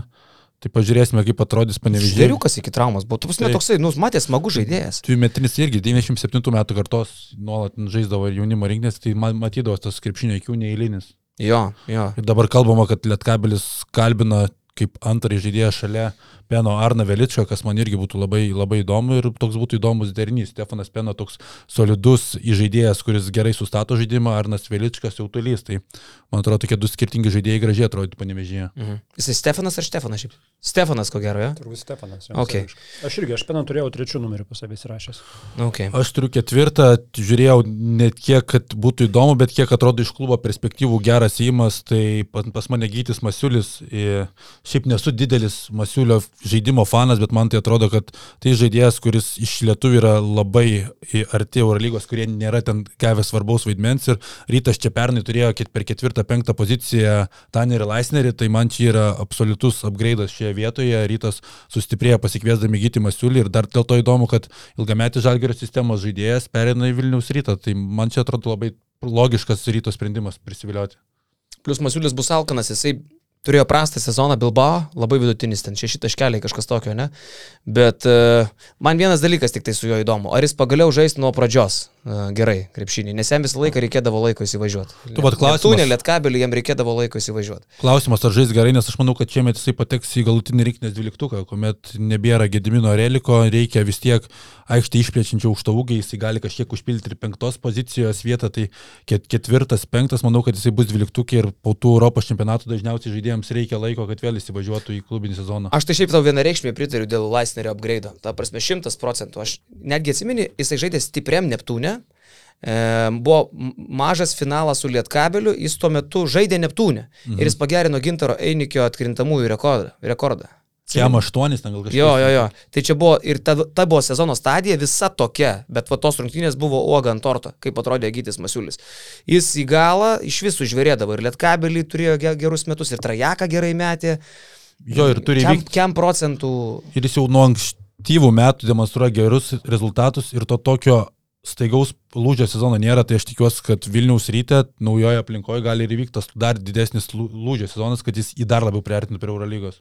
Tik tai yra žaidėjas, kurį neįdomu stebėti. Jis toks kaip Tomas Masiulis, kaip Gytis. Masiulis, kaip Visus- Paulius Jankūnas, į jį neįdomu žiūrėti aikštelėje. Jis toks tylus, jisai neišraiškingas, veidukas visą laiką tas pats. Nustatyk prie pokerio stalo ir tu turėsi tą, pat, tą. Turbūt už. Tomą daugiau emocijų, už tėtį daugiau emocijų jis dar parodo. Tėtis Už- būdavo dar šaltesnis. Nu jo. Gytis, gal. gytis dar kažką, dar kažką. Bet labai panašu, ir kai tu pasakai, kad nesi fanas, aš paskui pagalvojau, kas yra Gyčio Masiulio fanai Lietuvoje apskritai. O tai tu pažįstas, pažįstas, kas nors kas pasakytų. Tomas Masiulis. Vo. Svarbu. Bet geras ryto pirkinys. Mm. Kas pastakė ketvirtas? Tai aš jau sakiau, Ai. mano penktas buvo Žagaras, ketvirtas Donaldas, trečias Peno. Tai mano trys jau išvardinti, dabar tada jūsų tre... trečios Aš vietos. tiesiu tada. Tesk. Tai mano trečias yra e, Benedekas Varadis. Dėl mm. kelių priežasčių, pirmiausia, aš neįsivaizduoju, kas jis toks. Man labai... Aš, tu kaip prieš tai šitą kartą, aš manau, kad tu sakai Benediktas Vanagas. aš sakiau ir Benediktas Vanagas, tarp kitko. okay. Nes aš sakiau, būtų labai įdomu vienoje studijoje turėti Benedeką Varadį ir. Benediktą Vanagą. O aš išgirdau Benediktą Vanagą ir Benediktą Vanagą. Mūsų studijoje Benediktas Vanagas, labas vakaras. Sveiki. Ir Benedekas Varadis, labas vakaras. tai va. E, dešimt metų jis, palauk, aš dar pasakysiu. Legendiniam Sambatėjos Falko. Sambatėjos Falko, tai jis žaidė komandai, kuri mes manėm, kad yra tik tai mitinis miestas, neegzistuojantis, Sambatėjus. Tai tas miestas egzistuoja ir rytas nusiperka žmogų, kuris nuo 10 metų žaidė savo gimtoje, gimtojoje Vengrijoje ir dabar atvyksta sužaisti čia į Lietuvą pirmą legionierių sezoną, būdamas 27 metų. Ir atvyksta ne šiaip, jis atvyksta po geriausio karjeros sezono. Tai vadinasi pikinis, praeitą sezoną jisai darė viską iš esmės toj Falko komandai. Ir labai gerai atrodė tiek e, Vengrijos čempionate, tiek e, čempionų lygoje. Falko nebuvo ten mėšlydė visiška, tai buvo pakankamai normali komanda. Tai yra žmogelis, kur ir trajekėlį pataiko ir, nu kaip, ne tai, kad pataiko, bet gali pataikyti, kamoliukus ima, perdavimus dalina, agresyvus, kibus, nu, įdomus žaidėjas atvažiuoja. Šiaip, nu, ir čia atrodo, nežinau, kad... ko laukti iš tokio, iš vengro. Atrodo, kad keičia Vaida Kariniauską, nes panašaus stiliaus žaidėjai. Bus antras PG, ne? Turėtų būti pirmas amerikietis, kaip suprantu. Taip, kaip žinot, kad Kariniauskas yra buvęs Kinano Evanso komandos draugu. Du sezonus žaidė su Evansu Vaidas Kariniauskas. Vienintelis lietuvis žaidė su Evansu yra Vaidas Kariniauskas. Kur? Kažkur. Graikijai? Ja, jis į Bosniją ir Hercegoviną gal aš ar ne? Kažkokia šokė. Žinok. Ne? Jo, man atrodo. Jo. Ok. Tai va, tai tiesiog toks netikėtas ėjimas, ne? Varadis kažkoks. Tai. Įdomu, kad iš Sambatėjos Falko ne vienintelis šią vasarą atėjo, atėjo Golomanas į Lietkabelį. Pas tave trečias? Ne, pas mane nėra Golomano, bet čia į tą vengrų temą ir paskutinis vengras iki jų. Užtarkim, užtikrinti. Kornelijus. Davidas. Davidas. Du trečiais, man atrodo, 19 metų praėjo, tai įdomu, kad tą patį patarpsas du vengrai į Lietuvą atvaro. Mano trečia vieta - lietuvis, lietuvis grįžtantis namo, Mindugas Girdžiūnas. Ir aš galvoju, kad Jeigu yra tokios, yra tokios kalbos, kad Davidas Gailis išvarys iš Klaipėdos, tai manau, kad Kirdžiūnas bus kitą sezoną top 5 tarp LKL rezultatyviausių žaidėjų. Žiūrėjau dabar ryto filmų, tarp kitko ryto šaunuoliai. Vilniaus rytas padarė filmuką apie visą finalo seriją. Ir ten jau paskutinis kadras, kai sako, nepadėkit mindai plaukų. Labai gerai. Iš to ar žvengiai? Kai šiorai retai kada gerai vairiuoja, bet jau buvo geras. Jau. Šiaip gaus laisvės, jaučiu pas Mindaugą Brazį, daug Gidžiūnas bus lyderis, tai išvyko atsisveikinimas nebuvo, man atrodo, pats gražiausias su Neptūno fanais, įdomu kaip sutiks, bet manau, kad tikrai bus vienas kertinių žaidėjų. Nu jo, Mano antra vieta, kur aš galvoju, bus vienas skirtinių LKL žaidėjų pagal renkamus taškus, sugrįžimas po kažkiek metų irgi į Lietuvą. Adas Juškevičius.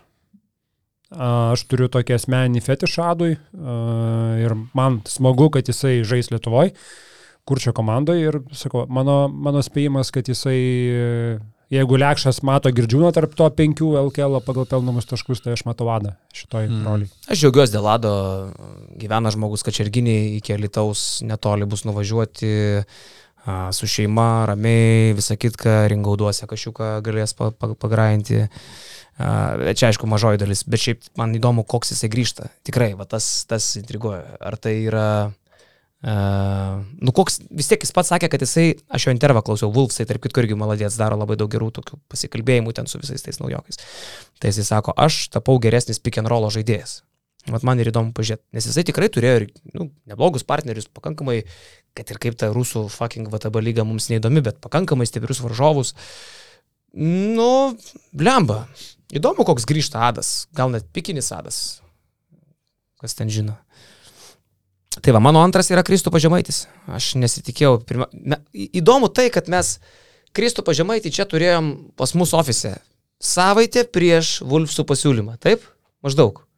Ir tada mes sėdim prie to stalo ir sako, paeiktų, kur aš teisiu tos Vulfsus, aš ne, ko aš ten nematęs, net neaišku, kas ten bus. Praėjo savaitė laiko ir bus Tai... Kalnas šaibų. Ir man tai yra netikėta, bet to pačiu ir labai džiugu, nes uh, E, Kristupas Žemaitis, man atrodo, kad pasirašė gyvenimo kontraktą. Aš net neįsivaizduoju, kas kitas šiandien dienai galėtų mesti tokią krūvą šlamą. Gal jis dar paaugs, žinai. Tai va. Bet, O kontraktas Bet nemažas, jis- 2 bet ar plus jis- 1. Bet ar jis tave lygiai taip pat domintų, jeigu būtų likęs lietkabelį? Ne, ne, tik perėjimas domina. Pats perėjimas, nes viskas, Purlys nebejojo, kad jis lieka panevežį už tos 4,5. Jis pats nebejojo, kad jis lieka panevežį. Tai bet ar, ar bus įdomu žiūrėti Vulsuose? Įdomu, kaip jisai atrodys tenai, nes kas bus jo komandos draugai, vienas dalykas, pas mane irgi antrąją vietą iškirstų pašiaip. Jo? jo. kas bus jo komandos draugai, plus jisai kiekvienais metais gerina žaidimą. Jo niekas nebetikėjo.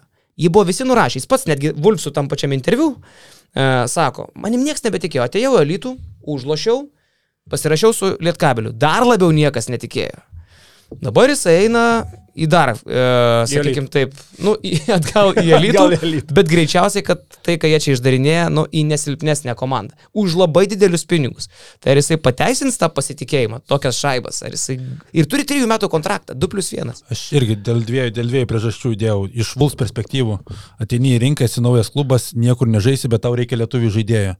Ir tau pavyksta pasimti turbūt geriausią variantą po Eurolygos lietuvių gynėjų, po Roko Jokubaičių ir Luko Lekavičiaus lai, laisvą. Nu, Janavičius tau dabar šlapiais triusikais per veidą turbūt renktų, bet ko gero tu teisus.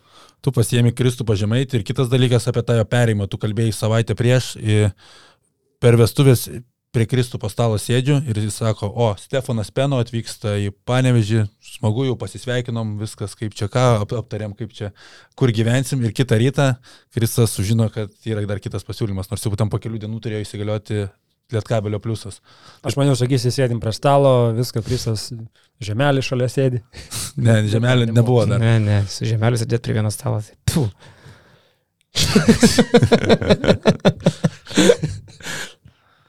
Bet tu taip darėjai.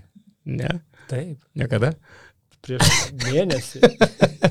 Ai, tada. A. Per naktį iki kitos dienos popietės. Ai. Iki pusantros paros kartu sėdėjai prie vieno stalo. Ai, čia tas. Čia tas kartas. O, dieve.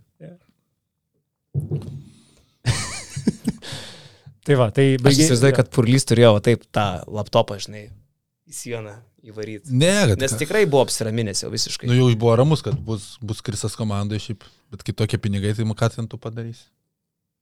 Paskėsti, paskėsti į pečiais. Ta prasme, aš kai išgirdau tą sumelę, man atsidarė, atsidarė viskas. Tai bet ta sumelė, ta sumelė, bet matant, kiek Vulfs kiti gauna, tai Krisas bus vos nepigiausias žaidėjas, tai dar jokingiau. Nu, ta prasme, žmonės ten po, po, po 20, po 30 sirbė.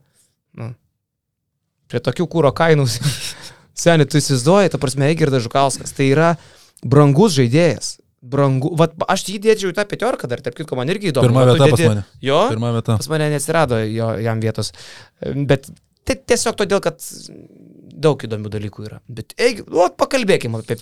Gerai, Eigirdas Žukauskas, tai mes kalbam, kad kalbėjom, kad tai yra gal net Žalgeris, jį norės prisikalbinti, Kaziukas, Vatinai Žalgerį kalbas, kad Eigirdas bus. Bet kiek ten buvo mėsos šitose kalbose? Nu, Čia Čia buvo ple... Ma, mano plėtka iš tikrųjų. plėtko buvo, čia buvo Maks. Karolio plėtkai buvo. Man kažkas sakė. tai vad man ir Ne, įdomu. šiaip iš tikrųjų tai Čia buvo, kaip šlikas, sako, buvo labai, VBS, labai rimtas VBS, pagrindas. VBS, kalbėt. VBS, agentūra VBS pranešė. Kas yra agentūra VBS? Viena boba sakė. čia, čia šlika šaltinis. Tai yra VBS. taip, taip, taip. Tai, nu, įdomu, jis kalbama, kad jisai arčiausiai gal net Eurolygos lygio tarp nedebutavusių ten lietuvių, bet mes jo praktiškai Lietuvoje paskutinį kartą matėme pas silpnose prienuose, kai žaidė Lamelo bolas, pas Virgi Šešku, tuomet atrodė neblogas žaidėjas, bet, nu, kad turėtų tam potencialų kilti iki Eurolygos netrodė, tai dabar per tuos sezonus pasikėlė tikrai savo vertę Rusijoje, po to sezonų e, pusmetis Turkijoje irgi geri, geri rezultatai, Turkijos lygių 10 taškų vidurkis, tai man atrodo, kad tai LKL turėtų būti didelė jėga, tai labai įdomu, koks yra tikras lygis. Bet šiaip kaip pagalvoji, kiek Virgis Šeškus davė Lietuvos krepšiniui dabar. Pažiūrėk, net Vulfsai komplektuojasi, Adas Juškevičius pas Virgį tapo krepšininku. Ehm, Ponas Egirdas Žukauskas nuo Virgio atsispirinėjo. Kur Kristas karjerą LKL pradėjo? Kristų pažymai. Prienuose. Tris mačius sužaidė, man atrodo. Pas Virgučio irgi, ne? Regimantas. Minutas, gal ne pas Virgį, bet Prienuose, visi Vulpsai jau Prienų pagrindu eina. Bet pagalvok, ką Virgis davė šaliai? Valeiką. A, Edvinas. Ne, ne, seniai, dabar nejuokaukit. Domantą. Roland Schmitz. Ne, ne. Žiūrėk, Valeika. Uh, Valeikas pradėjai, tai negaliu. okay, Valeika, Želionis, Urbutis, Vasiliauskas, Orelikas, Milaknis. Čižauskas, Milaknis, uh, Žygis. Žygis Janavičius. Wow. Da, Gintaras Kadžiulis e, paseno čia prienuose irgi. Dainius Šavenga. Čia labai vykęs, čia, čia buvo labai vykęs. Ką davė? Kubila. Samai. Tvarkai. Lamelo. Lamelo davė taip, NBA krepšiniui. Virkis. Kas yra tavo numeris vienas? Nes aš būsiu nustebęs, jeigu tavo numeris vienas bus kitoks negu mano. Ignas Brasdeikis. Bet mes sakėm, žalgiriniai. Aš matai buvau Tenerifei, kai... A, Kai mes dar čia, čia sėdėdami prie stalo, visi Dėliojam. dėlioja, kai tu buvai dar ten ir mintys. sorry, sorry, sorry, sorry. Gerai, bet aš turiu žinok platesnį sąrašą, tu sakyk savo numerį pirmą. Aš Aš to pirmą padarysiu argumentais. Engirnas. Kaip jūsų sąrašuose gali nebūti Rimo Kurtinaičio? Aš tiesiog nesuprantu. Seni. Wow. Apie ką Mano kalbam? irgi numeris vienas. Kokie, kokie Eigirdai Galiu aš irgi taip. Galima vokti. Kokie Eigirdai Žukauskai. Tikrai labai įdomu. Rimas Kurtinaitis, įdomiausias žmogus LKL ateinantį sezoną. Žmogus, kuris mėtė mum karštą vandenį ant, ant akmenų savo pirtyje. Aš ką tik. Rimo nedėjau, nes man jisai kaip čia buvęs. Atrodo, kad jisai niekur neišvykęs, kad jisai jau nuo praėjusių metų vidurio turėjo čia dirbti ir aš kažkaip galvoju, kad čia buvo jau lauktas, tikėtas ir nieko nenustebinęs dalykas, bet jo konferencijos tai faktas, kad bus įdomiausias dalykas kitą sezoną. Uh, bum, labai geras Rimas Kurtinaitis tikrai. Šiaip tai, žinai, mm, aš labai noriu, aš labai linkiu jam sėkmės. E, ne tik todėl, kad asmeninė simpatija, mes čia visi jam jaučiam, natūralu, mes negalim jam nejausti, nes mes čia kaip ir susibičiuliavę, bet šiaip linkiu sėkmės, nes aš manau, kad Rimas turi ką įrodyti.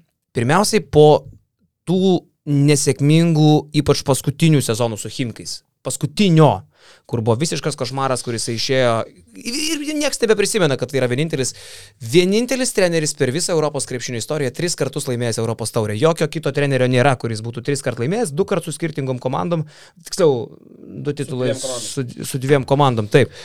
Uh, tai yra bičias, kuris, kuriam priklauso pats sėkmingiausias visų laikų Vilniaus ryto sezonas. Uh, metai, kurių kai kurie mūsų žiūrovai net neprisimena, 2009 laimėta absoliučiai viskas, ten ir prezidento taurė, ir kas, ne, vis šeši titulai, man atrodo. E, tai yra bičias, kurio geriausi laikai taip praeitį, kad norėtųsi, jog jam pavyktų įrodyti, kad jis dar turi to, to, to garo, kurio pirti ten e, mes jautėm. Jo. Tai man įdomu. Bet aš, žinai, aš apie pirmą vietą, voreva, pirmą ar penktą, nesvarbu, man dar labai įdomus Želko Šakyčius. 34 metai Želko Šakyčius grįžta į Lietkabelį ir išvažiavo jisai iš, iš Panevežio, būdamas absoliučių dievų tada į Permę. Ten buvo mega ir atrodė, kad tai yra gudriausias visų laikų Lietkabelio sunkus kraštas.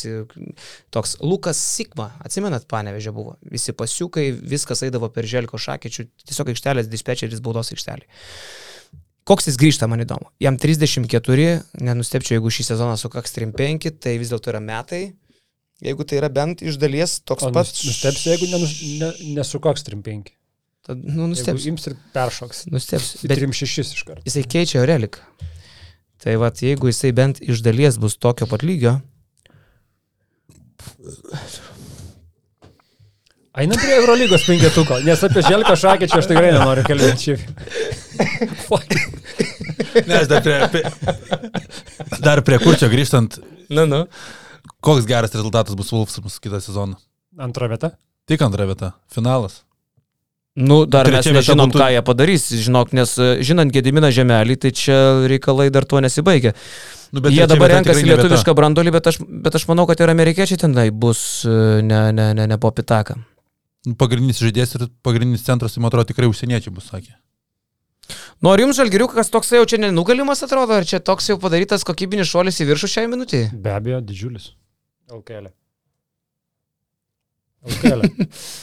Nu, Eurolygoje, tai čia man paskutinė vieta. Eurolygoje mes jau su Lekšu pradėjo savaitę. 15 pozityviai daviau. Lekšas pozityviausiai 15. Aš Tai jeigu buvau pesimistas 15, jeigu 17. Žalgeris bus 15, tai aš tikiuosi, kad Kauno Rotušiai Žiūrauskas sutikimą organizuos nuo balkoniuko su, su 10 tūkstančių minė. Nu, ta prasme, eur- aš tai net neironizuoju Žalgerio. Tiesą sakant, net nesišaipau iš Žalgerio. Aš labiau, vad gerai, perėsim prie Eurolygos. Aš labiau kalbu apie tai, kaip išsipūtė likusio Eurolygos klubų raumenys. Čia nieko, čia, čia, čia myžam prieš vėją. Aš žiūriu, kas darosi Eurolygos turgui. Ir verkt nesinori tik pažiūrėjus į Berlyno albą iš esmės. Nenolba klaikų, kalba skonė dar netrodo, wow, dar kol kas asvelis. Klausykit, albai, albai pagarbos duokit. susirinks. Specialistų Izraeliui Gonzalės reikia pagarbos. Minutei Pernai iš- visi juokėsi iš Izraelio. Šią minutę Žalgeris geriausia atveju 14. Būtų. Oi, čia čia geriausia. Nu tai gerai, tai Baskonija nėra ten mega kažkas. Baskonija, Alba, Valencija. Asvelis Valencija. Nu kol Svelis kas. Nando Dekola, tu. Nando Dekolo, kuriam 50 metų. seniai. Nando Dekola 20 taškų vidurkis kitą sezoną. Nu ir smagu, nu tai turėjo Krisa Džonsas su tokiu vidurkiu. Turėjo... Nando Dekola kitą lygą. Elio žaidėjas. Kobo įspūdinga žaidėja. Vienas žaidėjas ne profesija, supranti. Reikia, reikia daugiau. Asvelis, gerai, mes turime Igną Brasdeikį, tu galvoji, jau čia taip mes nusileidžiam Nando Dekolo pasenusiam. Taip, labai.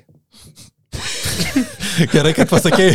Aš klausau, tu ką tik aiškinai, kad jie yra paskutinė komanda ir staiga pradėjo ne. ieškoti faktų, Jo, jo. kodėl yra kitur. Žiūrėk, aš sakau, kol yra kas- kol- talentas, žinokit, žiūrovai, jeigu nepastebėjot, vat, Karolis nebuvo pasiruošęs savo pirmos vietos, aš pasakiau Kurtinaitis ir man daugiau nereikėjo daryti darbo, nes Karolis penkias minutės nepasiruošęs niekiek kalbėjo apie Kurtinaitį.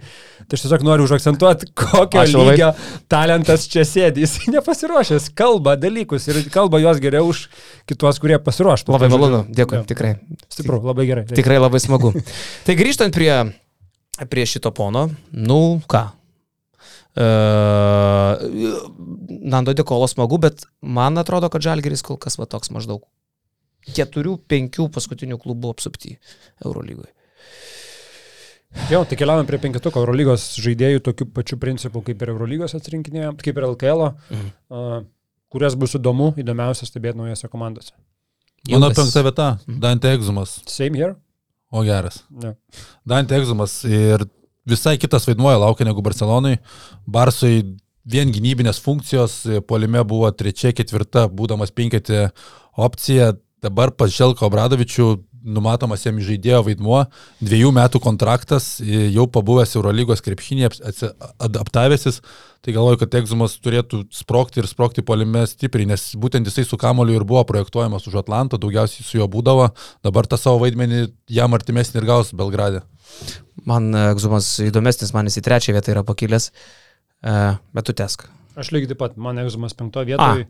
Jo, man vien- vienintelis, kas, kas mane šitoje vietoje kažkiek nervina, tai žinant, kad Partizanas jį įsigijo tikrai ne iš uh, normalių finansinių paskatų, o ten jau kalbėjom, kad uh, Serbijos klubai artėjantį sezoną, nu, realiai išlaikomi arba Gazpromo, arba valstybės pinigų, kur nėra finansinio pagrindimo, mane tas labiausiai nervina, bet nežiūrint į tai, Dante Egzumas uh, bus labiausiai dominantis žaidėjas šitam pasaulio gale Balkanuose. Mm, man, Jeigu jis, jis- man jisai trečioje vietoje. Mm. Jeigu jis dviejų metų sutartį pasirašo, tai aš galvoju, kad turi jie minčių, kad kitą sezoną irgi bus Eurolygoje Partizanas, nes dviejų metų sutarties egzamas tikrai Tai nesirašytas. faktas, aš manau, kad čia viskas yra susitarta ir Jo. čia su Džordžiu sudėlioti dalykai. Kas dabar, Bodiroga perima Eurolygą jau, ne? Dar neaišku, dar ne. O taip, taigi nieks, ten- nieks, nieks nežino, kas šiuo metu yra lygos vadovas. Tik jau baigėsi terminai prieš mėnesį. Jo? Jo. O, gerai. E, pas mane penktoje vietoje Nando Dekolo, Ketvirtas pas mane. bet mūsų visi sutaps, aš Na, nu, Dekola ketvirtas pas mane. Tai va taip. E, penktoje vietoje Dekolo, e, daug ką iškalbėjom, įdomu, kaip jisai į savo gimtąją šalį grįžęs atrodys. Jisai, taip kitko, nėra žaidęs Asvelėje, ne? Jis yra, man atrodo, Šarleruo žaidęs gal. Patikslink. Mm, pažiūrim.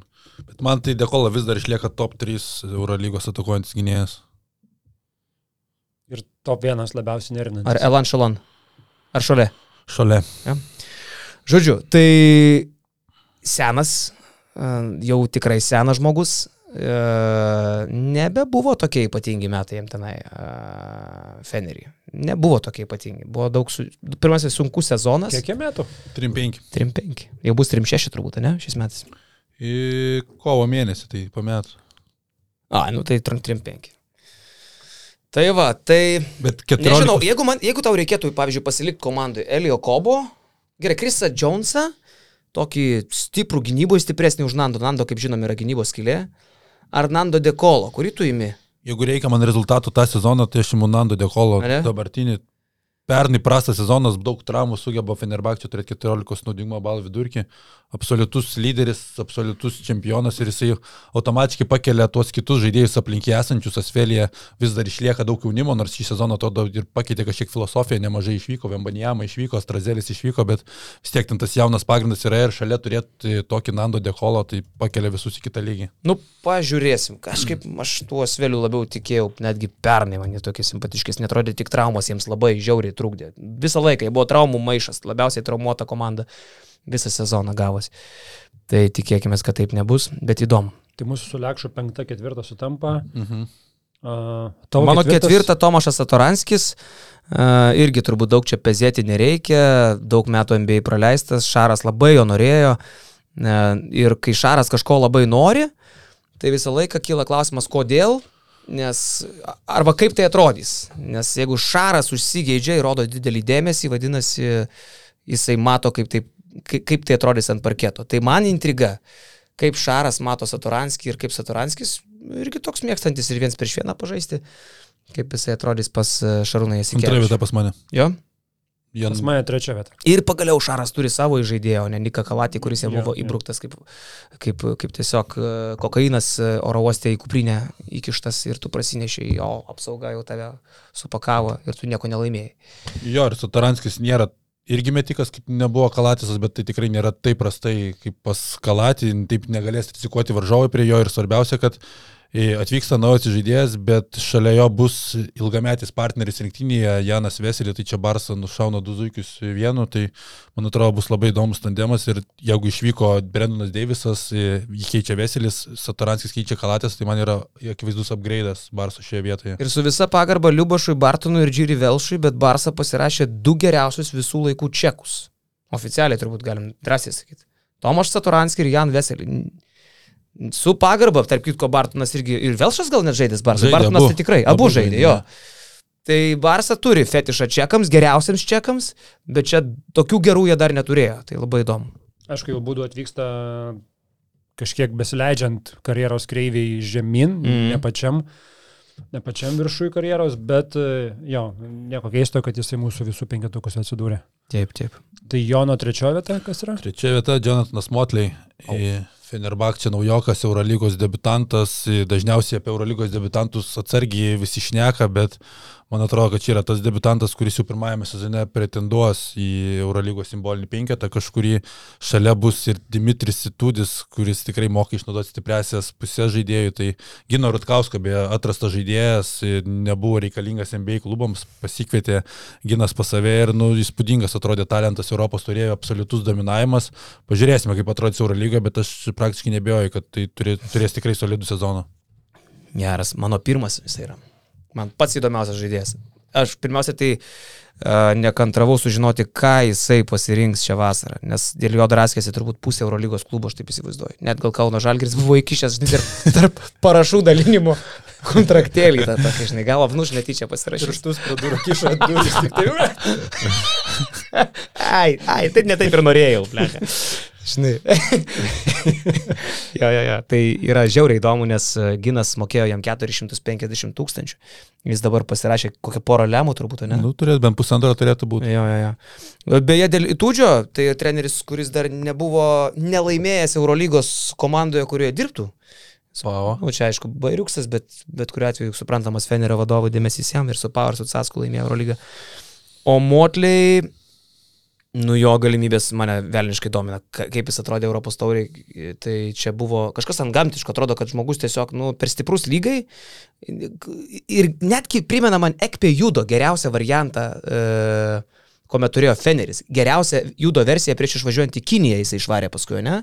Mhm. Lygtai. Tai tada jie laimėjo Eurolygą su Ekpė Judo. Judo dar po to NBA buvo, kažkiek ir po to Kinija. Tai, bet tada Judo buvo, zda buvo koksai žvėrys Eurolygoje. Ir aš galvoju, kad Motley gali būti dar geresnis negu tas Ekpė Judo, nes čia iš vis kažkas tai iš kitos planetos. Ant gamtišką. Jo. Tai man numeris vienas šitas yra. Gal net ir man, žinok, perkalbėjai. Jo? Dabar va pakalbėjai. Aš tai gailiuosi jį, jį praleidęs ir nepastebėjęs. Kažkaip, kai tik Jonas pasakė, man iš karto, okei, okay, jo, praleidau, nes iš tikrųjų šitas žiauriai, žiauriai domina. Jo. Tavo trečia? Mano trečiasis Satoranskis, jau apkalbėjo, mm. mano antras yra Mario Hezonija į realą. Mm. Planavau į penketą jo. Man čia įdomiausia yra iš tos pusės, kad realas yra tokia savotiška šeima. Ten jau Hebra metai iš metų, iš metų, iš metų žaidžia ir atrodo niekada nebaigs karjerų. Fernandesas, Jui, dabar Rodrygėsas grįžta, ne, nu ten atrodo yra tokie, žinai, gerų draugelių šaikai ir jie per tai daug laimi. Ir čia atvyksta toksai gretimo kiemo huliganas, žinai, kuris mm -hmm. gali ten pagadinti reikalų. Jeigu, jeigu pernai uh, Artelis sugebėjo ten kažką prisidirbti ir suspenduotas buvo galiausiai dėl savo turbūt kažkokių charakterio dalykų. Tai man esminis dalykas, kaip Hezonija su savo didžiuliu, didžiuliu ego įtilps į tą šeimininį brandolį realią. Hezonija primena tai tokį mokinį, kuris labai prastai mokosi, Bet šiaip, tarsi, prasti pažymiai bėga iš pamokų rūko irgi prie mokyklos, bet skirtingai negu kiti banditėliai, jisai kontrus gerai išlaiko. Šiaip jisai, jisai gudrus, jis galva turi, jis nėra, nėra Janis Tyma, ne? Jis panašus į gudrų vyrą šiaip yra. Tai į realo šeimą bet kokie huliganai, lochai ir lavonai neatsiduria. Kaip ir Jonas Mačiulis gali atrodyti Marozas. Bet Jonas Mačiulis, kaip sakė e, Gomilskis, tebūnė jam lengva žemelė, uh, jis yra genijus, teisingai. Teisingai, teisingai. Aš, bet aš manau, lyginti Mačiulį su Jazonė, Mačiulis. Ir kitko, tie, kurie pagalvojo, kad aš nežinau, kad Gomilskis gyvas, tai jūs klystate. Mačiulis, manau, gelytės lyginant su Hezonijos charakteriu, tikrai žmogus ypatingai gerai apie save galvojantis, ypatingai. Tai mane jis labiausiai domina iš tos pusės, ar jisai sugadins realą, ar, ar visgi duos to, ko tikisi vadovai. Ja. Ja, Bet Kazanė buvo magiška praeitą sezoną. Kazanė buvo magiška ir Hezonija buvo vienas iš tos magijos mantų Wizard, teisingai, praeitą sezoną. Mantų Wizard, jo. Taip, taip ir, sakykime, atrodė kratinys, nevaldomų, e, nevaldomų keistuolių susibūrimas, bet jie visi sulipo ir Jezonė turėjo būti turbūt didžiausias ten blogiukas, nieko panašaus. Galvoju, kad realas čia dėjo, real apskritai pirkiniai mane maloniai. E, Mūsų tai, kad šalia. stebina, bet džiugina. Mūsų, Jezonija ir Rodrygėsas. Nu tokie, žinai, kur ne, ne kažkokios padiušovkės iš humanos, o tu imi, iš karto imi, tai jau kas laiko patikrinta, žinai. Ir brangu, aišku. Jo, mano pirmoji vieta galima. Aš dar antrą savo. Ai, dar nesakyju. Antrą pasakysiu. Jonas Braunas. Pirmoje vietoje. Ne, ne. Bet labai geras šitas jo.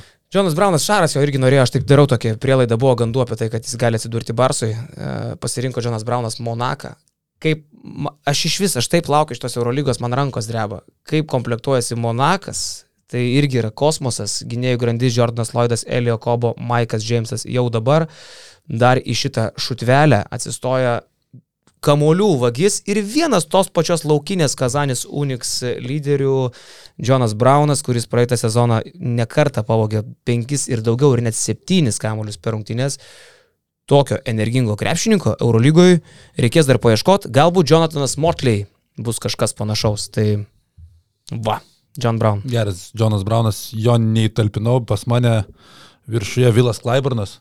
Man labiausiai įdomu, kaip atrodys Vilas Klaibarnas šalia Šeino Larkino, Vasilė Mitčiaus, ne tai kaip jis atrodys, o kaip Erginas Atamanas sugebės prisitaikyti jau prie kitos komandos, jau nebe ta čempioninis brandolys, kuris buvo kaupiamas ketverius metus.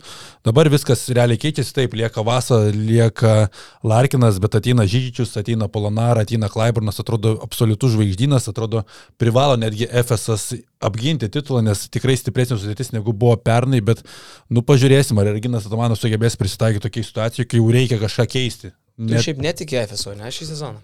Nu, atrodo, kad, kad reikėtų, reikėtų tikėti, bet aš galvoju, kad pasibaigs sėkmė, nes reikės kažkokių permainų, reikės dalintis kamoliu visiems, nes Vilas Klaibernas nėra Krunaslavas Simonas, kuris gali stovėti kampe Vilui Klaibernui reikia kamoliu, jeigu jis neturės kamoliu, jis nebus efektyvus. Vasas su Larkinu jau buvo įpratę turėti savo tą mechanizmą, pažiūrėsime, kaip ten viskas prisitaikys. Klausyk, bet tu negali lėkšą abejoti, jisai dėl FSO abu, kad buvo teisus, ne? Tu ir pernai, ir užpernai sakai, kad ja. jie laimės. Pernai tavim niekas netikėjo, nes jie atrodė klaikiai, užpernai dar labiau niekas dar labiau, netikėjo. Nes buvo 11, tik sakiau. Ja. Ir dabar Lekšas po dviejų sezonų FSA pergalę. Bet pernai pasakęs, dabar sako Caskas. nebetiki. Pernai Pernai vasarą Caskas sakiau, jo. Saskui mes kabinom Jo. laurus visus, kad, kad bus. Gal Šiaip paskui pasakyti. Šiaip tai FSO startinis penketas mes buvom įsikėlę pas save į mūsų Instagramą, basketinius Okomo, ne? Tas potencialus. Larkin, Micic, Klaiburn, Polonara. Polonara ir Žižič. Žižič. Nu tai bent trys perimetro žaidėjai geriausi savo pozicijų krepšininkai Eurolygui. Jo, ir kai Tamanas čia kalbėjo prieš porą sezonų, kad mes galėtume žaisti NBA, tai va šitą sudėtis, tu pasižiūri šitą penketą, tai tikrai atrodo, kad NBA kalibro penketas. Aš irgi, mano Klaiburnas irgi yra numeris vienas šitam penke- penketukė ir aš, mes prieš kelias savaitės turėjom e, tekstuką pliusų 3 prieš 3 apie, apie tai, ar Šaro Barsa yra favoritė Eurolygos su tokiais pirkiniais ir tokiam pavardėm. Aš tuomet rašiau, kad jeigu Vasa lieka, tada tikrai ne, tada FSS su tom pavardėm, kurios atsidūrė FSS per šią vasarą ir dar lieka Vasa visgi FSS būtų komanda numeris vienas, tai kai paaiškėjo, kad Vasa lieka, man tada Klaiburno projektas tapo dar įdomesnis, nes sunku prisiminti atvejį, kada trys geriausi savo pozicijos žaidėjai žaistų vienoje komandoje Eurolygoje. O taip yra pirmas, antras, trečias numeriai FS bus geriausi visoje Eurolygoje. Tai be galo intriguoja pamatyti, kaip tai veiks, kaip jie dalinsis to kamoliu. Ir aš galvoju, kad šitas pasirašymas Klaiburno padarė didelį įtaką, kad Larkinas ir Mitčius liko Stambulė, nes FS iš karto laimės Eurolygą. Ta pati vakarą yra atsiranda pranešimai, kad Vilas Klaiburnas jungiasi prie Nodol FS, tu iškart parodai ambicijas, kad mes niekur nesiskirstome, mes sieksim aukščiausių tikslų, tada pradeda galvoti Larkinas, o komanda toliau nori, nori tęsti tai, lieku aš, galiausiai ir vasarą lieka. Tai manau, kad Vilo Klaiburno pasirašymas prisidėjo prie to, kad ir liktų tas duetas. Bus labai įdomu. Pavyzdžiui, Olimpiakosas, ne, mes nešnekam apie šitą komandą, jai nelabai yra ką pirkti, nes jinai beveik viską išsaugo realiai. Tai pasistiprino Kenanu, Petersu, Bolombojim, bet čia irgi yra stiprybė. Išsaugai trenerį, pasilieki visą praktiškai komandą, kuri ėjo iki finalo ketvirto. Mes puikiai žinom, kad tai šio laikiniam krepšiniui, bet kokiam protingam krepšiniui, ta Šaras nekartai yra mums parodęs prieš akis tą faktą, kiek tai daug vaidina. Bet tu dar žiūri, kaip ir pasistiprino kitos komandos, kurios jau šiaip buvo grandis. Barsa milžinė, Realas milžinas, Anadolų dar stipresnė gerokai patapo. Armanis sustiprėjo. E, nu, nepaneiksi, kad Nu, ir sustiprėjo. man dar pangosas turėtų varyti. Nu, tai, tai ką išdarinėja Monakas, man trūksta žodžių. Bayernas, ok, visa kitka, nu, ten jau žemiau nebeikim, bet aš dar norėčiau strikti prie Makabio. Kas čia darosi Tel Avivo Makabi komanda? Dvi komandas gal statyti. Atsidarykit kas nors, kas netingis basketinius.com, nueikit į, kur mes turim pasidarę turgų Eurolygos. Ta prasme, kas čia darosi? Čia man primena, kaip vaikystėje tėvas pizzą kepdavo, žinai. Vis, vis konstant, meta viską. Te, iški sūrio, dešros, kaparėlį. Kažkokį, tai, blėt, saliamį dar, kur jau buvo padėta kumpio, na, fik tas saliamį, žinai. Nu, Faršo, kur iš vis nedėra, žinai. Seniai, įžaidėjai, Veidas Boldinas, Lorenzo Braunas. A, kaip jie pasidalins kamuoliu šitis jautuliai, man sunku pasakyti, nes čia PGSG būtų tada Darūnas Hillerdas, Ostinas Holinzas, e, g- e, Bonzi Colson. Bonzi Colson, Rafael Menko, Jarel Martin, Alex Poitris, Josh Nebo, Jalen Reynolds, Jay Cohen, Lemba, aš Gal jie nesuprantu. turės dvi komandas, vieną Izraelio lygoje žais, kitą. Euro lygoje. Kažkiek miksuos to žaidėjus, nežinau. O svarbiausia treneris. Odet, kad aš. Žodėt, kad aš. Man tai šitas projektas yra pasmerktas sulūšti dar iki naujų metų. Nu, toks. Ir Pablo Laso, gruodžio kokia pabaigoje. Nu Palsėjęs, skamba logiškai. palsėjęs, nusiraminęs Į Tel Avivą. į Tel Avivą. Feneris, ką išdarinėja, irgi, nu, pasižiūri, blemba, sudėtėlis, Feneris, Sirvena, kaip sustiprėjo, Partizanas, net Panatinaikosas dabar pasėmė dar broliai Kalaidzakį, Georgijosą irgi pasigražino. Nu, visi pastiprėja. Bet Um, pat Naikos man ten kažkaip kuo toliau ten toks bardakas kažkoks gaunasi. Irgi sumeta krūvą naujų žaidėjų, nežinau. Tų gynėjų ten irgi 18, kaip ten jie dalinsis laiku. nu, blemba, matai, pasėmė pati- patirties tokių turinčių, tarkim, Nate Walters, žinai, Marius Grigonis, Derek Williams. Jo, bet tu skaičiuoji. Waltersas, Prie Papajanio paėmė Arturą Lee, Gudaitį. An- Andrius, Grigonis ir abu du Kalaidzakiai. Tai jau yra septyni žaidėjai. Jovičiaus turbūt neliks, ten turėtų palikti jisai. Nu, Ok, šeši. Dar vyrukai turėsim šitų temų. Man taip smagu, kad vasara artėja į pabaigą, mes dar turėsim N temų. Uh, aptarsim kada nors ateityje ir Andiušičiaus svaigimus apie laimėtą Eurolygą Partizano šį sezoną. Bus įdomu. Viskas, mes, mes grįžtam maksimaliai Va, va, į, va. į rinką, ne? Pabaigai, pažiūrėk, kaip. Kas čia? Prasideda rinktinė stovykla. Į piešęs čia kaziukas. biškį? Kabutė gerai. Šitą nuotrauką uždėti reikės. Visiškas vierkas. Nu, geras. Uh, ir turim turbūt pasakyti, kad uh, pradedam ruoštis Europos krepšinio čempionatui lygiai taip pat. Tai visiems žiūrovams, klausytojams čia toj bus labai aktualu, nes basketinius LT ir basketinius.com turėsim daug video turinio, uh, bus ir specialios apžvalgos. Uh, nu, žodžiu, visko privarysim. Uh, tai nuo rūpjūčio labai aktyviai. Jo, reikia pakcentuoti. Kars nuo karto matau, kad skundžiasi, kad a, čia viskas pliusam, pliusam, bla bla bla. Kaip buvo tvarka, taip ir lieka. Basketinius podcastas vieną kartą per savaitę yra viešas, a, kitą kartą per savaitę jis yra skirtas pliusams. Tai iš esmės, jeigu mes dabar pradedam naują sezoną, tai viskas taip ir toliau lieka. Dažniausiai savaitės pradžioje yra viešas, antroji savaitės pusėje pliusams, kartais tai pamaišom, kartais ne, tai būna nebūtinai pirmadienį, kartais nukeliam pagal aktualijas, bet iš esmės niekas nesikeičia. Kaip ir buvo, Absoliučiai. mes dabar prakalbėjom pusantros su viršum valandos ir tai yra viešas, visiems prieinamas podcastas, kurį pristato rėmėjas kažkoks, nes e, Koks? kažko gyventi reikia, eskolas. A, jas skolos. Žiūrėk, man, žinai, kodėl uh, atrodo, kad žmonėm atrodo, kad turinio neva sumažėjo viešo, nes labai padaugėjo pliusam. Čia nėra reklama pliusam, nors reklama akivaizdi. E, bet esmė, kad kadangi daug atsirado turinio pliusam, jisai patenka į viešą tą ir atrodo, kad o tai kur čia jau mūsų tas e, visas viešas, kurie, kurie nemoka pinigų. Tai jisai liko toks pat absoliučiai, sakyčiau, kad jo, jo niekiek nesumažėjo, gal dar atostogos mūsų šiek tiek tą, tą vaizdą iškreipė. Bet e, aš tai noriu pakviesti tapti pliusais, nes e, kad ir kaip atsiranda visokių tai mm, keistuolių, kurie ten virkšliana dėl pitako per mėnesį, bet bet kuriuo atveju, kada tu įvertini tą medžiagą, kokios tenai gauni, net nekalbant apie protmušį, patinka, nepatinka, gali nežaisti, bet vien apie medžiagą, kurią gauni. Bent porą podcastų, dabar senus šernus pasileidom, vat, pavyzdžiui, labai rekomenduoju pasižiūrėti, išliko ir, ir, ir Vytauto Krajašo su Dainimo Domaičiu pokalbį. E, Dar mes ten prisimastė tų visokių rubrikų, man dabar jau ten jų tiek daug, kad net ir maišosi. Dydį sugrįžtų, kas tai bus skaitniusai, supažindint. Jo, straipsnių į dieną po vieną, tai, tai pliusais tikrai apsimoka būti ir aš labai kviečiu jūs tapti, o šiaip tai ir šitą viešą podcastą, nepasibodėkit, paspauskit like, paspauskit uh, subscribe mygtuką, prenumeruokit basketinius kanalą. Pakomentuokit. Normaliai elkitės, e, galų gale krepšinis sugrįžę namo. Jo, jauskitės laisvai.